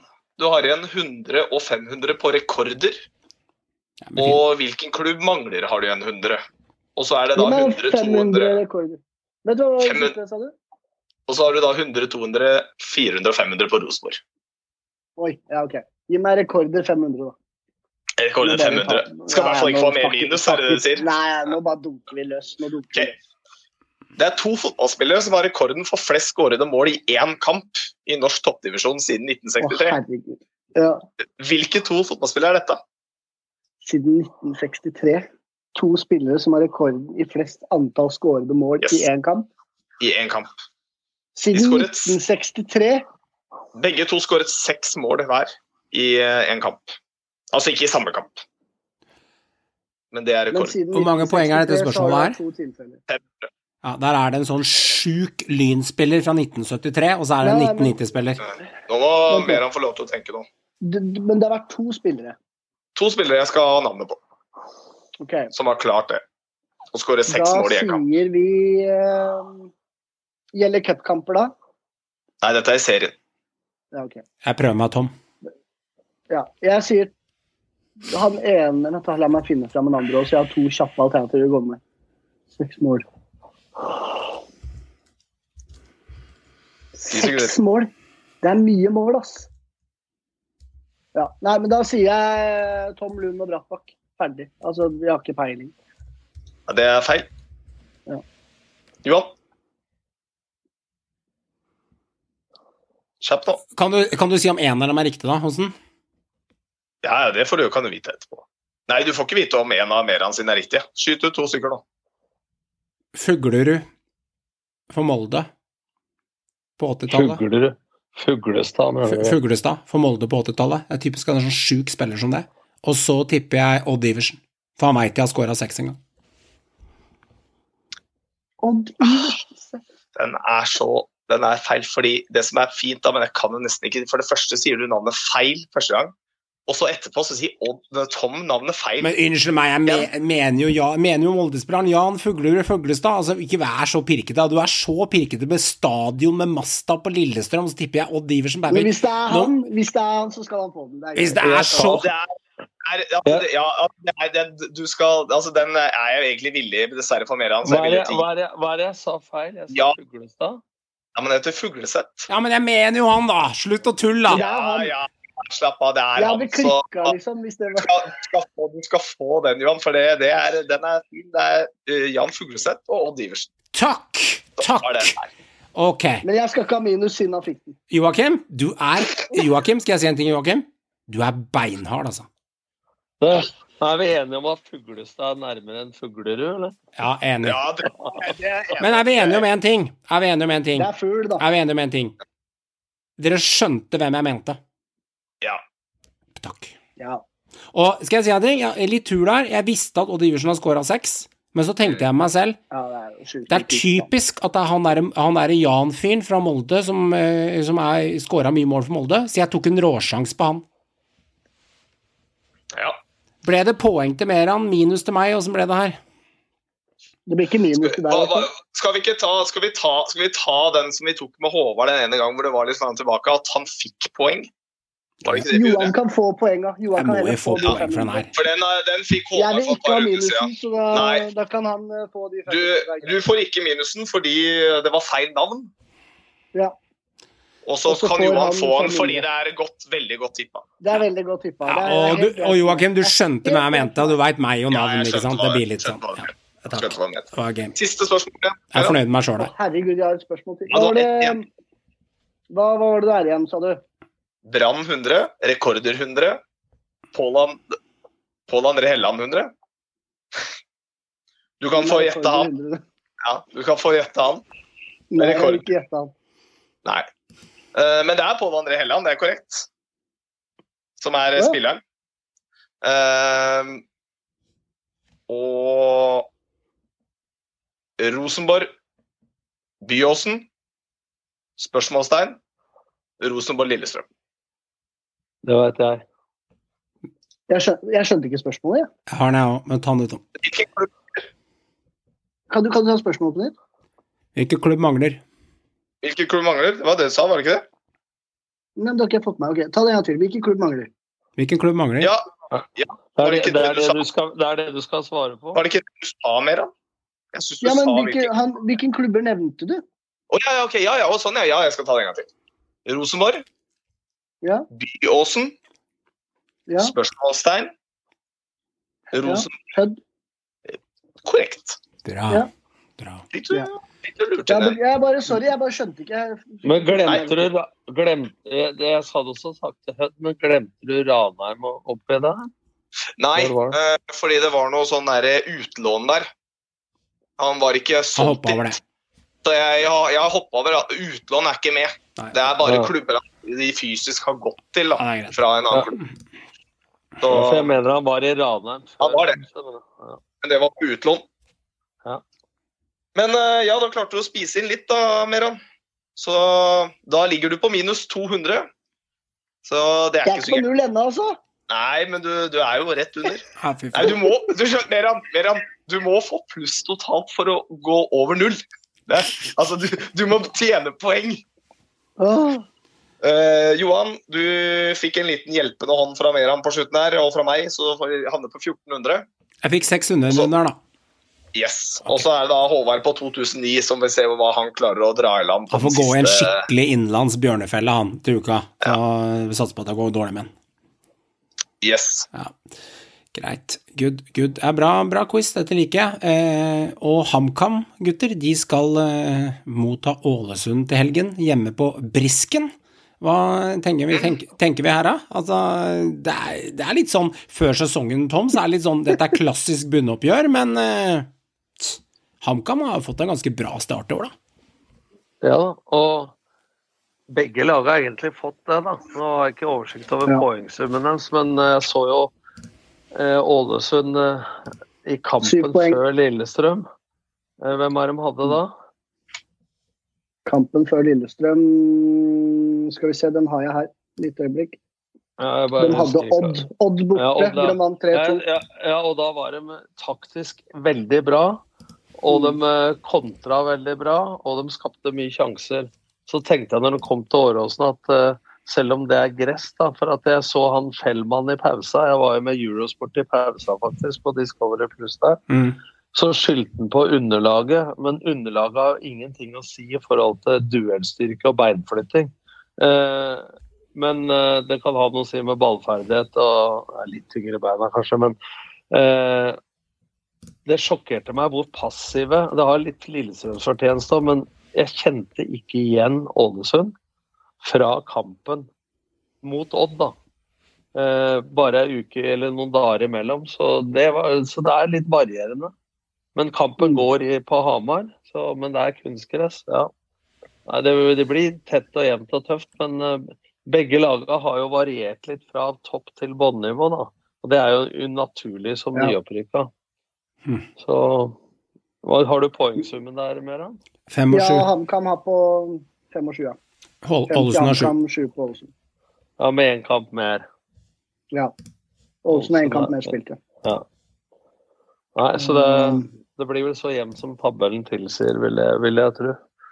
Og det overraska meg litt nå, for nå har Ålesund spilt 3-5-2, 5-3-2, dem også, i det siste. Og da har Ødmarsbakken spilt eh, spiss. Ja, Eks-LSK-spilleren sammen med Hause og Haugen. Hause og Haugen har imponert meg litt. Men han, møtte, han møter ikke Ogbu hver helg, for å si det sånn. For Ogbu har vært et monster bak der hos Lillestrøm og løper fra det meste. Men det overrasker meg at en av Ålesunds beste spillere har i de kampene man har spilt 3-5-2, Bolkan Nordli. Og nå skal han Mm. møte gamleklubben sin HamKam. At ikke han har spilt, det er for meg et eventyr. Og når du spiller 4-3-3 eller 3-5-2, så er jo etter min mening Bolkan Nordli enda bedre som indreløper enn som wing kant. Så ja, jeg skjønte ikke helt det greiene der, da, men nå ser ikke jeg laget hver dag på trening. Mm, mm. Nei, men Håvard har også vært inne på det veldig i, i chat og for så vidt her i episoden òg, at eh, han også har stussa hvorfor Bolkan Nordli ikke har spilt noe særlig. Eh, så Det har vi flere prata om også innad i Synsligaen. Jeg det mente han ikke passa i den formasjonen, men eh, er jeg uenig. Ja, men det, det er for så vidt jeg òg. Han er god, han har vist han er god også. Det. Men samtidig, nå går ting på skinner for Ålesund nå. Viktig å ta med seg. og Jeg tror HamKam kan få en tøff kamp jeg, hvis Ålesund um, tar dagen. Jeg syns den virker seige. Men så spørs det da, hvordan de er på bortebane flere kamper på rad. Nå har de ikke hatt så mange av dem. Men HamKam er gode hjemme òg, så det blir en artig, artig, artig, artig opplevelse. Det gjør det. Tror du det blir en gjerrig kamp med han? Gjerrig kamp 1-1-0-0, eller jeg tror det blir mye mål? Nei, jeg tror det blir mye mål. Jeg, jeg okay. tror det blir, Hvis det blir uavgjort, så blir det 2-2. Men jeg, jeg tror det blir eh, Det lukter en 1-3-seier til en av lagene. Mm, okay, okay. Jeg vet ikke hvem, bare. Men jeg tror også det, det blir litt mer åpent enn det har vært på Ålesunds siste kamper. Da, for nå møter Ja. de et lag de i utgangspunktet skal eh, matche. Mens de har møtt noe lag som de har forventa bort på bortebane. selv om Odd eh, var svak i fjor, så har de vært gode i år, og Lillestrøm. Så jeg tror jo de forventer at de skal være litt mer med spillemessig mot HamKam enn det de har vært i de siste to kampene. Spennende. Jeg må jo si at Haugen har imponert meg. Jeg har sett um, jeg tror jeg har fått med meg to Ålesund-kamper der, eh, og en god del klipp jeg har sett av eh, Men jeg må si at han er bra, han Sigurd Haugen. altså. Håvard har plukka han på Fantasy noen ganger også, men han er frekk, da. Det er en frekk spiss de har, og, og ved å- ha en spiss mot et lag som så å si skal ligge i bunn, bunn, sånn som Ålesund har blitt spådd før sesongen, så eh, det er gull verdt for et lag å ha. Det er ikke alle eliteserielag som har en spiss som kommer til å skåre jevnt og trutt med mål heller. Så Jeg, jeg skulle likt å sett han i Molde, f.eks. Ikke sant? Eller Bodø-Glimt. Eller Bodø-Glimt. Har hatt den der i et system der. Han er bra. Joakim, dine tanker? Ja, altså det som er bare litt sånn sjekka litt opp på det, og det som også er litt, eh, spens, eh, litt sånn spenstig med den kampen nå, er jo det at eh, nå er det jo selvfølgelig forskjellige sesonger og sånn, da, men Ålesund har egentlig taket på HamKam på Briskeby. Eh, jeg tror ikke, I hvert fall som jeg har sjekket, så har ikke HamKam vunnet mot Ålesund på Briskeby, i hvert fall ikke de fire-fem siste møtene man har, møtt hverandre. Eh, og inkludert i fjor også, så endte da, da tapte de også på Briskeby mot Ålesund. Så det er, det er liksom sånn, det behøver ikke å bety noe, for det er ikke, nå er det eliteserie, nå er det nytt. Men det er liksom sånn, så det er ikke noe sånn typisk sånn derre nødvendigvis hjemmefordel HamKam når de møter Ålesund, da. Eh, Sånn rent sånn statistisk sett. Og det er også litt interessant i den, eh, i den sammenhengen, syns jeg. Mm, mm, mm. Men det hører vel med til historien, Altså, det er et poeng, Joakim, men samtidig De har vært lenger ned. Det har Ja, ikke men, vært et men spesielt så har vel HamKam har jo bytta ut noe, men spesielt siden i fjor så har vel Ålesund vært ganske aktive på Så er det en del nye spillere da, i forhold til fjorårets oppgjør Ja, på Ålesund. Ja. selvfølgelig. Men dette er over flere sesonger òg. Det har jo vært forskjellige typer lag, forskjellige typer sammensetninger. Eh, ja, så de har liksom grep på dem bare. Da. Jeg tenker altså det, altså det Statistikk behøver ikke å bety noe i en sånn setting når det er én kamp som én kamp. Mm. Men uh, det, det gjør i hvert fall ikke at sjansene for at Ålesund kan komme fra det med noe mindre, er sånn jeg tenker da. Mm. Ja. Karer, har vært litt uh, Det er litt storm i dette RBK-laget. fordi at Jeg merker jo tilbakemeldingen vi ofte får på Twitter og på Instagram. Uh, Så går det stadig vekk ei kule varmt. Jeg føler meg nesten som en halvoffentlig person noen ganger, Tom Nordli, i forbindelse med de tilbakemeldingene mer han får på Instagram og Håvard på Twitter. Det er de, det er de slakter denne såkalte programlederen av eh, Synseligaen til tider på at jeg er så krass mot eget lag, og at jeg er så krass mot RBK som eh, jeg, jeg eier ikke fornuft. Det er, det er ikke grenser for hvor tulling jeg kan være. Noen er enig, men de, Meran, du har merka litt vrele der ute, stemmer ikke det? Jo, fått, eh, fått en del. Jeg Ja. har fått en del meldinger der. Og jeg men, står men jeg forsvarer deg en del òg på mye av det. Fordi Ja du er realist, Ja. og du sier det som det er. Ja, og jeg har skrevet opp noen par punkter der jeg tenkte jeg skulle høre med deg, Tom. Altså, Det litt balanserte greiene. For det er noen som liksom er veldig veldig imot det som RBK holder på med, og, og er mer kritisk som det jeg er. Og så er det noen som er kjempeentusiastiske og finner fram kake hver helg og snakker om at dette skal ta tid, og det er ikke måte på, Rekdal er riktig mann. Men jeg savner litt balansen. Kanskje jeg savner litt balansen hos meg selv, og kanskje jeg savner litt balansen hos de som er for entusiastiske. Eh, la oss plukke dette litt fra hverandre. Jeg vil gjerne høre med deg, Tom, eh, som ser det litt med andre øyne utenfra, som også har fulgt Rosenborg i et eh, halvt liv, eh, som både trener og motstander. Nei, jeg ser det sånn at eh, jeg vil balansere det litt mellom dem som kom med kake og, og deg. Ja. Fordi at eh, det spørsmålet er Skal man ta hensyn til forventninger og krav? Hvor kommer forventningene og krav fra? Kommer det fra supportere eller kommer det fra klubben sjøl? I den grad at de sier de skal bli bedre enn i fjor, så er det klart at eh, det er et voldsomt generasjonsskifte der nå, og de har veldig ungt lag på banen. Mm. Så ser jeg tendenser. Jeg ser jo at de er klart bedre defensivt enn i fjor. Eh, men eh, jeg tror ikke vi skal få se et, i nær framtid å se noe kjempe samhandlingsmønster offensivt og et lag som skaper sjanser i fleng. Den har jeg problemer med å se. Så det spørs hva er forventninger og krav til Rosenborg. Det er jeg jo litt grann, eh, spent på. Eh, men i den grad så er det jo mismatch. Eh, for Man sier at det skal ta tid, samtidig så står jo Rekdal på TV og sier han kan ikke si om at eh, han har kjempefin tropp og luksusproblemer, hvem han har gode spillere på benken osv. Eh, og fornøyd med stallen. Så det er klart at eh, ja, det kan bli bra på sikt, men i forhold til det som de uttaler sjøl, hva som er målsettinga og kravet rundt, så syns jeg ikke de er eh, altså Poengmessig er det ikke avskrekkende bak, men altså nå sier folk Du kan jo ikke være langt bak eller etter fem serierunder, for du får jo bare delt ut 15 poeng. så, er så, sånn, liksom. ja, sånn at eh, jeg syns de har tatt noen steg fysisk og ikke minst eh, defensivt, men jeg er skeptisk til eh, Jeg ser liksom ikke noe per nå, i hvert fall, eh, noen sprudlende samhandlingstendenser. Da, med, og, og man kan si det skal ta tid, så er spørsmålet hvor lang tid trener i en sånn type klubb får. Mm. Men, men igjen, da, her kommer vi også inn på den altså Nå kommer vi inn på dagens andre, så dette må de slutte med. da. Mm. Og dette, dette har vi sagt før òg, altså, dette må Rosenborg slutte med. De må slutte med det derre den derre- altså, Det er greit at du har en målsetting om å vinne gull, men den derre- altså, det uttalte eh, liksom, Alt det der ute Nå har vært flinkere i år enn de har vært tidligere, synes jeg, fra liksom, styrerom og liksom, spillergruppa disse her. da, Litt mer moderate. Men der, altså, det blir så det blir så gnålete da, å høre på det der uttalte målet om å ta gull.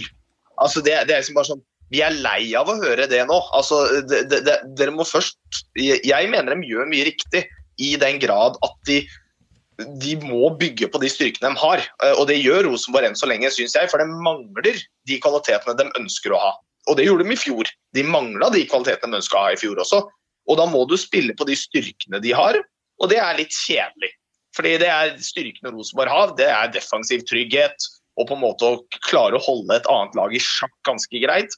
Og så har de liksom, de har kvaliteter til å skåre avgjørende mål, for det har de alltid hatt, og det har de fremdeles. Men det der, altså jeg er så lei det der uttalte målsetningene som ikke samsvarer med virkeligheten. Da. Altså, det er på tide at folk på en måte Du må ha litt realistisk tilnærming til det du driver med. Det er lov til å sette seg høye mål, men litt realistisk tilnærming må du faktisk ha. Uh, og jeg er egentlig enig, jeg er enig med Johan at hvis de ligger sånn som vi var inne på forrige gang, da, at hvis de ligger på midt på 9.-10.-plass etter halv sesong, så tror jeg også Rekdal går. Altså, da tror jeg ikke han får mer sjanser. og kan, Om det er rett eller galt, vil ikke jeg være han som skal dømme Rekdal på om det er rett eller galt. men for det, det er for lavt ned. Men si han karer til seg litt mer poeng, og de ligger på rundt en femte-sjetteplass og har klart seg OK, forbedre seg litt fra nå, så tenker jeg at det må de tåle, og det må de tenke er realistisk. Eh, å slåss om å få medalje i år, det, det, kan de. De kan slåss om å få bronse, men det er realistisk. Eh, et sted mellom tredje og sjette. Og det syns jeg egentlig alle bør legge til grunne av de som heier og styrer og ordner i Rosenborg. Men, men, så spørs det da, som du sier, at de må ta utgangspunkt i, i, i realismen i der de er. Det er jeg enig i. Men så kan man jo spørre seg om jobben som er blitt gjort for at de ha, må ha den realismen sin i forhold til hvor de er. da. Hva har skjedd på spillelogistikksida? Hva har de henta inn spillere til? På hvor lang og kort sikt er de spillerne henta inn? Til hvilke roller er de henta inn i? Til hvilken spillestil er de henta inn til? Den skal jo såkalt nå, som jeg kjenner Rekdal, være mer pragmatisk enn før.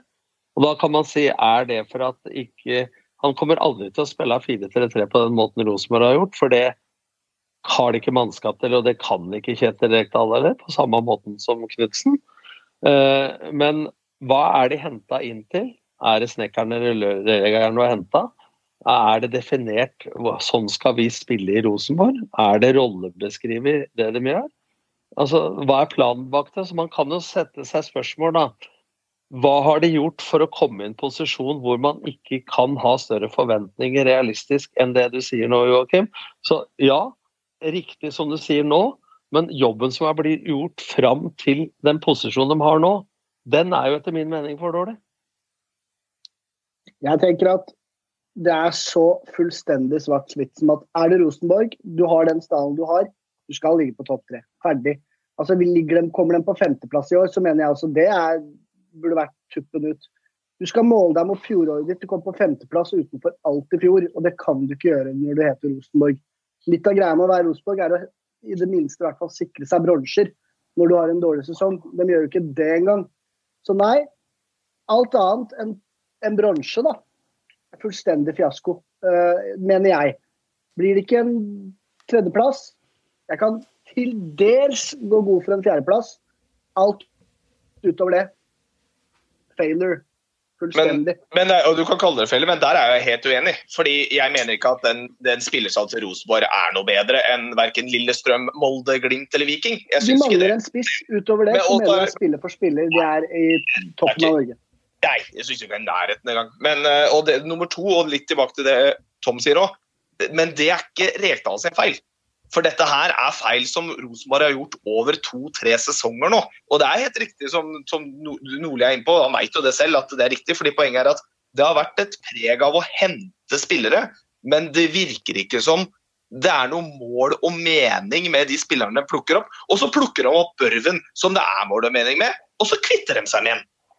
Altså da, poenget er at det har vært dette, Spillelogistikken i Rosenborg de siste to-tre åra har jo vært under all pari. Men det er jo det Rekdal sitter med nå, og hva har det ført til?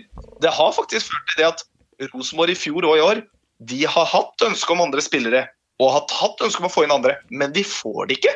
For de går andre steder.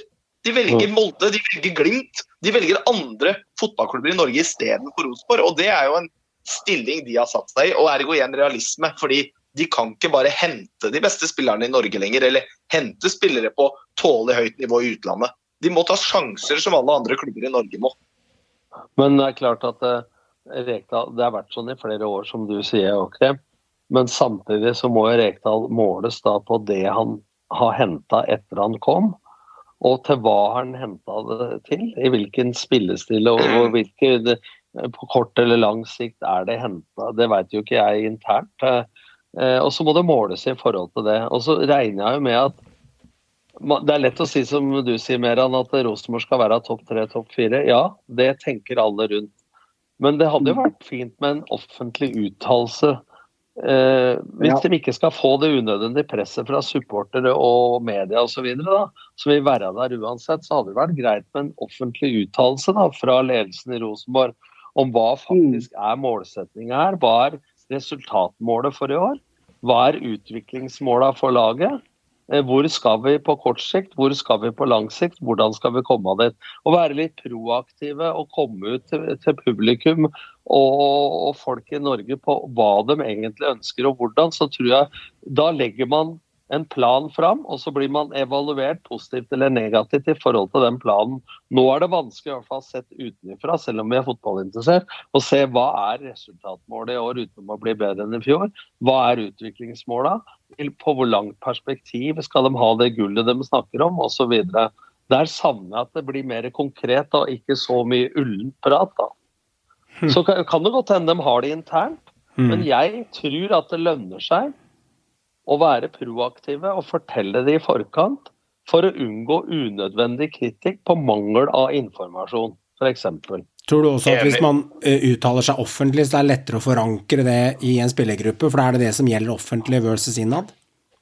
Ja, og, men det må jo være da at de har bestemt og at det er eierforhold til det.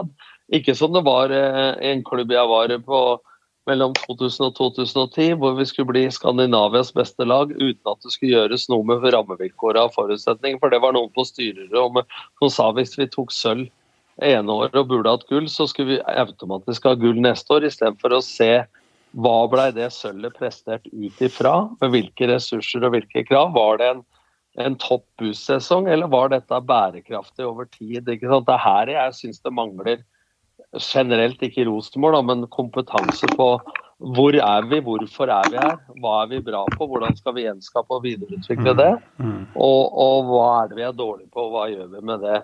Og Jeg tror også å komme ut med sånne ting, og være litt åpne om det, som Rosenborg alltid var før. Altså åpne på sånn skal vi spille, sånn driver vi, osv. Så, videre. så får du i hvert fall kritikk ut ifra hva planen er og hvordan du har gjennomført den. da. Men når du ikke veit hva planen er, så blir det mer sånn Da blir det sånn som eh, du sier, Johan, altså da blir det synsing ut ifra Det blir ukvalifisert synsing, da, for du har ikke fakta. Du har ikke parametrene å måle det ut ifra, for Mm. de er ikke blitt fortalt. da. Mm. Ikke sant? Mm. Jeg, jeg er helt enig med deg, Tom, der. Det eneste er, det er litt som du sier, da, det virker litt sånn planløst nå på hva er egentlig planen. Og jeg er redd for at hvis de går ut med det nå, så vil det være for defensivt for supporterne. Og da blir det krig og ramaskrik igjen også. Så det, du ender Ja. opp i en veldig ond trøndersk ja, sirkel. men det, det, er greit, det er Meran. Hvis du sier at uh, hvis den er for defensiv, så er jeg enig i det. Hvis du sier vi skal bli blant de fem beste, punktum. Men da Mm. kommer det an på hvor god er du til å selge inn hvorfor den målsettingen er satt, og på hvilket grunnlag, som Joakim var inne på, er det satt ut ifra den spillerstilen vi har PT, kontra den vi skal ha om et halvt år, om ett år, om to år osv. Så, videre. Så hvis du er proaktiv og selger inn for jeg regner med folk som legger en plan, har jo et grunnlag for planen. Det er ikke bare sånn fingeren i været og så har vi skyter fra hofta for å tilfredsstille omverdenen. Så den kritikken må du faktisk eventuelt stå i. Men jo mer Altså, jeg har sagt det på pressekonferanser. Jeg kan si til folk kom med spørsmål. Hvis jeg informerer om hva jeg har tenkt til og klubben har tenkt til, så har du drept 80% av spørsmåla. Da har du igjen de 20, og uansett graden av kritikk i de 20, så må du stå i det. Men hvis du bare sier, ikke kommer ut med noe, da, nå kan Rosenborg ha gjort det, men hvis de ikke kommer ut med noen plan og argumenterer for hvorfor, så vil kritikken bli mye mer unyansert og ikke basert på det interne faktiske forholdet de har. da. For jeg er helt sikker på at de har ålreite planer. Men jeg syns ikke I hvert fall jeg, da, som følger noenlunde med, er ikke opplyst om hva som er eh, planen.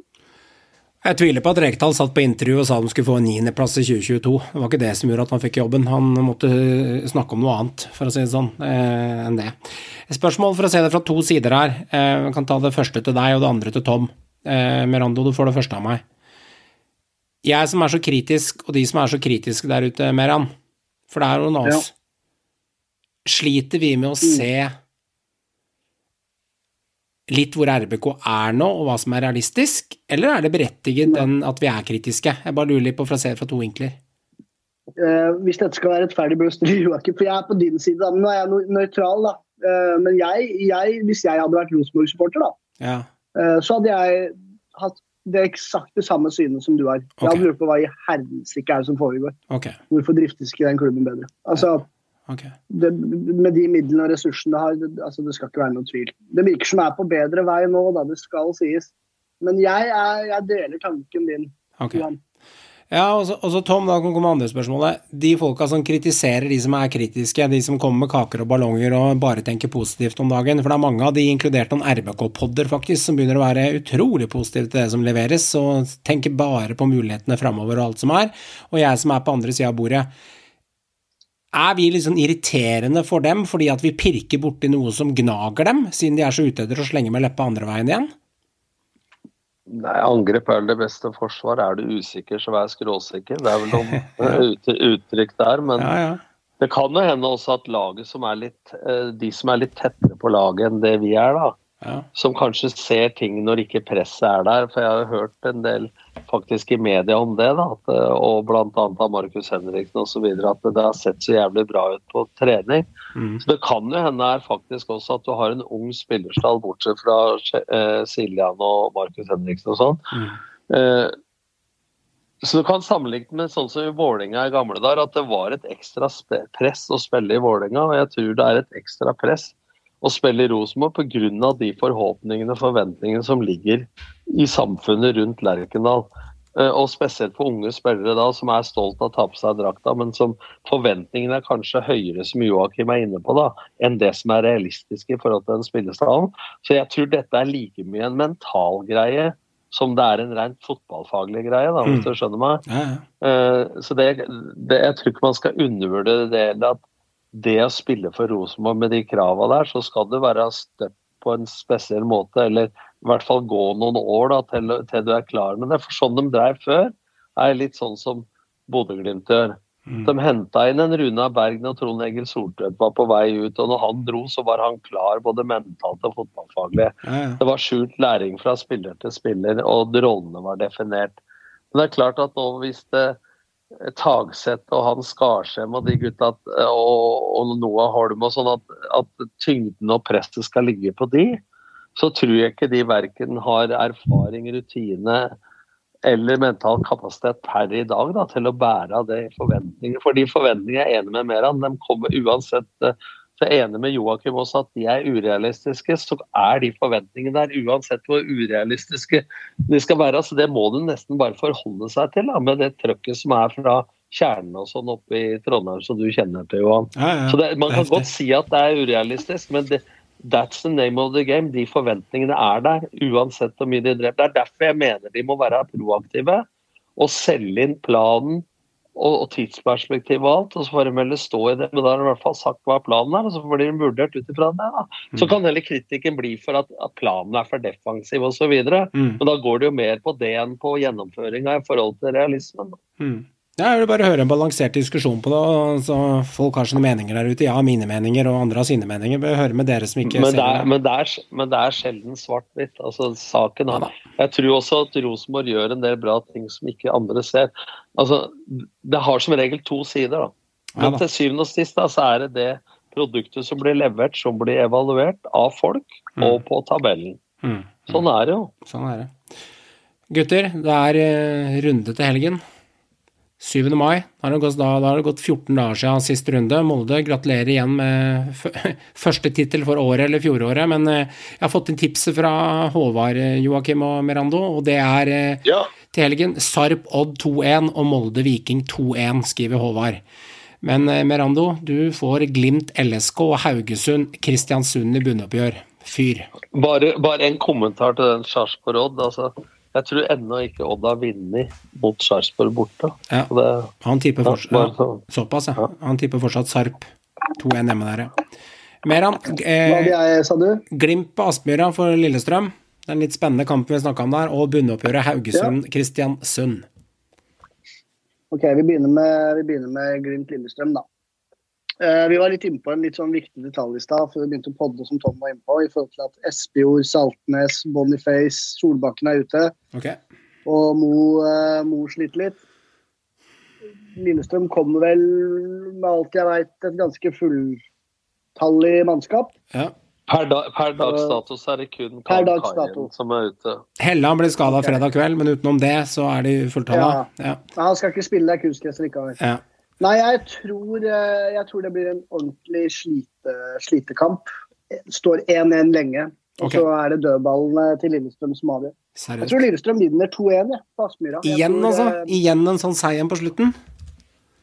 Ja. okay. Jeg tror det. det er lov, det. Jeg tror det. Ja. Jeg, jeg, jeg, jeg så Glimt live. Jeg er forbanna eh, skuffa. Jeg, må- jeg, må, jeg må være ærlig og si det. Jeg, når jeg omsider skulle dra og se på Glimt, og så fikk jeg servert det der.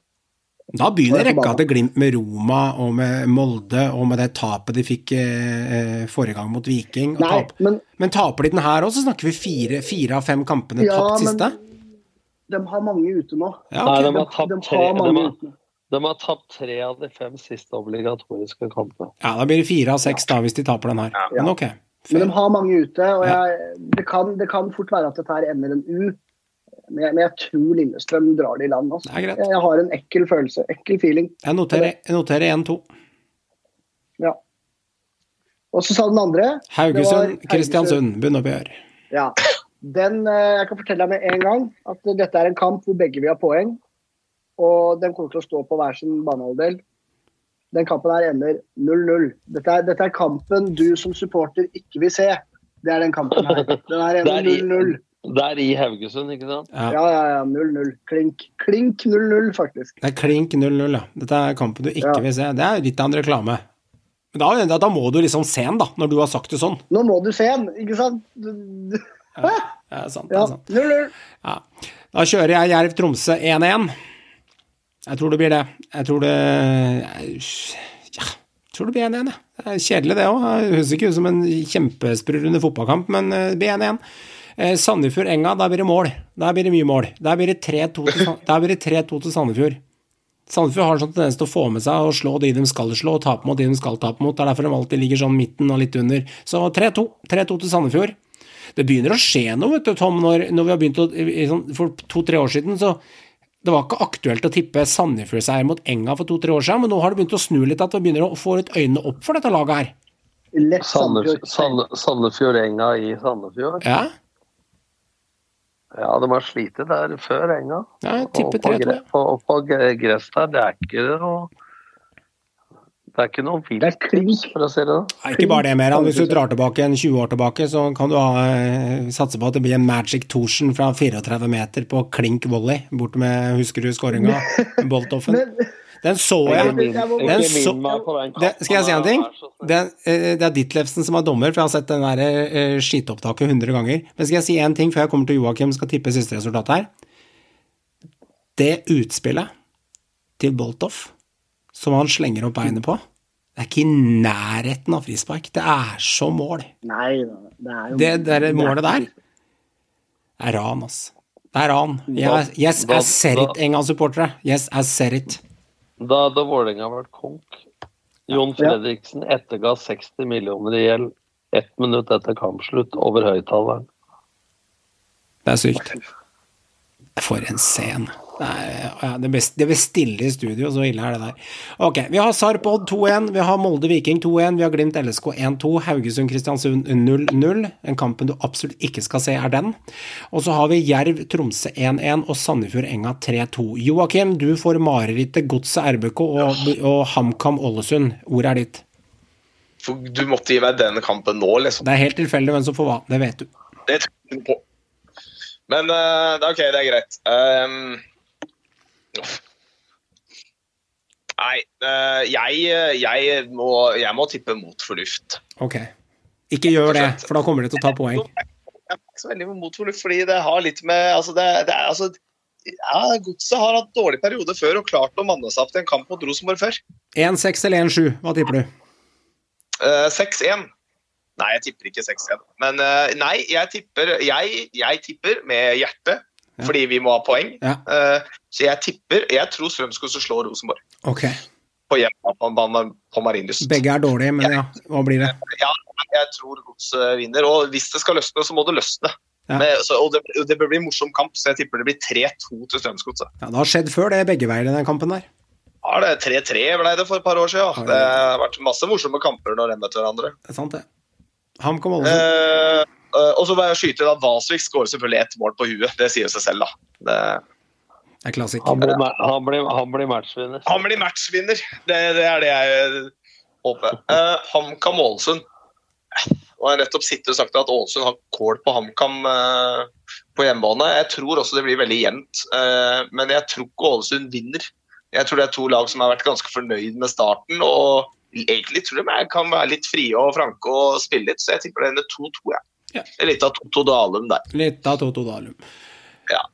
Eh, Tom, Ja. dagens siste spørsmål går til deg. Eh, og det er alltid litt lurt på, faktisk. Vi supportere er jo jækla flinke på å snakke om at eh, gamle spillere som har spilt for klubben, de scorer ofte mot, eh, mot vår gamle laget. Og det, det er hundrevis av eksempler på.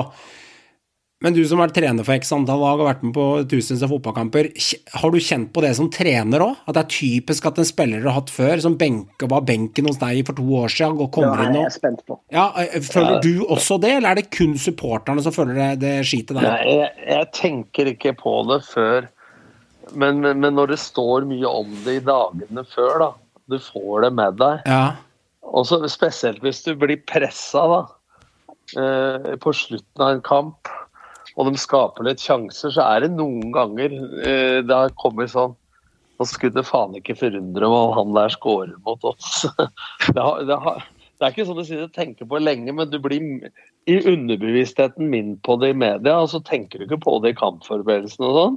Du kjenner jo spilleren godt og veit hvordan han skal tas og så videre, men når kampbildet er sånn, da, at du blir litt pressa, mm. og kanskje han kommer inn på banen eller et eller annet sånt, så, er det, så kommer en sånn der tanke innimellom Nei, fy faen, det er typisk meg. Men det er jo helt irrasjonelt, egentlig. Men det er jo sånn. Altså, jeg har sett det så sjukt mange ganger. Altså, jeg, Ja, jeg, jeg, jeg tror du egentlig altså Jeg tror nok det er en sånn ting du Jeg tror det er noe i det i det at altså det er jo klart en spiller vil jo gjerne være litt ekstra, i hvert fall hvis han har hatt en litt ikke sånn kjempeopplevelse med en klubb før. da. ja, ja. Uh, Men jeg tror også dette er en sånn ting man på en måte du legger mer merke til når det skjer, men du legger ikke merke til når det ikke skjer, tenker jeg. Det er litt sånn det er veldig. At det er sånn, sånn når det skjer, så tenker du liksom ah, selvfølgelig, men så glemmer du de 15 kampene i løpet av en sesong hvor en spiller har møtt et annet lag Mm. eller en, en spiller fra før, og det ikke har skjedd noen ting. Mm. Men ja, så jeg, jeg tror nok det er mindre viktig enn det vi egentlig tror, men så er det litt mer morsomt, da. Og så er det litt kult. Jeg tenker det er litt ja, ja, det er gøy. Jeg føler at det er vært, det, det skulle vært jævlig morsomt å sette en statistikk. for Jeg tror det er et kjempepoeng. Det skulle vært morsomt å sette en statistikk på at eh, hvis du hadde målt opp de gangene det har skjedd mot at det ikke har skjedd, så tror jeg det er Du er i minus, det er jeg ganske sikker på. Det, altså det, det, har skjedd, eh, det har skjedd færre ganger enn det ikke har skjedd. Eh, Det er Ja, men det bør det jo. Hvis det er 50-50, så mener jeg at eh, Ja. statistikken stemmer. For Ja, det er sykt. Det er sykt. Altså, ja, jeg, tror ikke, det jeg tror ikke det har skjedd i nærheten av så mange ganger som Nei. det vi føler. da. Nei, det, Nei, det, det har du nok rett i. Men hvis det har skjedd over eh, 20% av gangene, så er det jo fortsatt én spiller på banen og 22 andre, da. Så det er fortsatt mye versus, hvis du skjønner tanken min. Ja, Ja, du, men må, så- du, du må så liksom det ned på sånn muligheten- 10 minus før det ikke har noen relevans, føler jeg. Ja, ja, jeg Ja, men samtidig så er det jo én av ti utespillere. altså Muligheten for at det faktisk han kan score, da. altså Hvis det er ned på Ja, ja. 20 er jo der. Ja, da, jeg ser det. Ja, ja. Jeg ser det. Men det var godt å høre ditt perspektiv på det som er trener. Det er, eh, det er alltid litt sånn. Vi sofasynserne, vi Ja. Nærmeste vi har kommet trenerbenken, det er i fantasy og fotballmanager. Det er det selger òg. Kjære lytter, tusen hjertelig takk for at du hører på Synseligaen. Spre det gjerne i sosiale medier, om det er på Instagram med å dele det videre, eller på Twitter, eller kaste en diskusjon med Håvard der, og meld og smell litt fra høyre og venstre. Bare vær høflige med hverandre og ikke troll, så er alle fornøyde. Og så ønsker jeg deg gode maidager og en glimrende runde til helgen. Husk, Ålesund og Haugesund har ennå ikke vunnet en fotballkamp i årets eliteserie, mens Lillestrøm og Rosenborg de har ennå ikke tapt. Til helgen så kan dette snu, for dette er Eliteserien. Vi snakkes. Så er det Håkon Evjen som bøyer ned i vinkelen! Etter over 100 minutter! Han kommer til å bli større enn Jesus på Sørlandet etter dette! Det er faen meg Folk pisser eller folk er likegyldige. Det er det verste som skjer med en fotballklubb. Det er faen meg undergangen, det. Og det er han som omtrent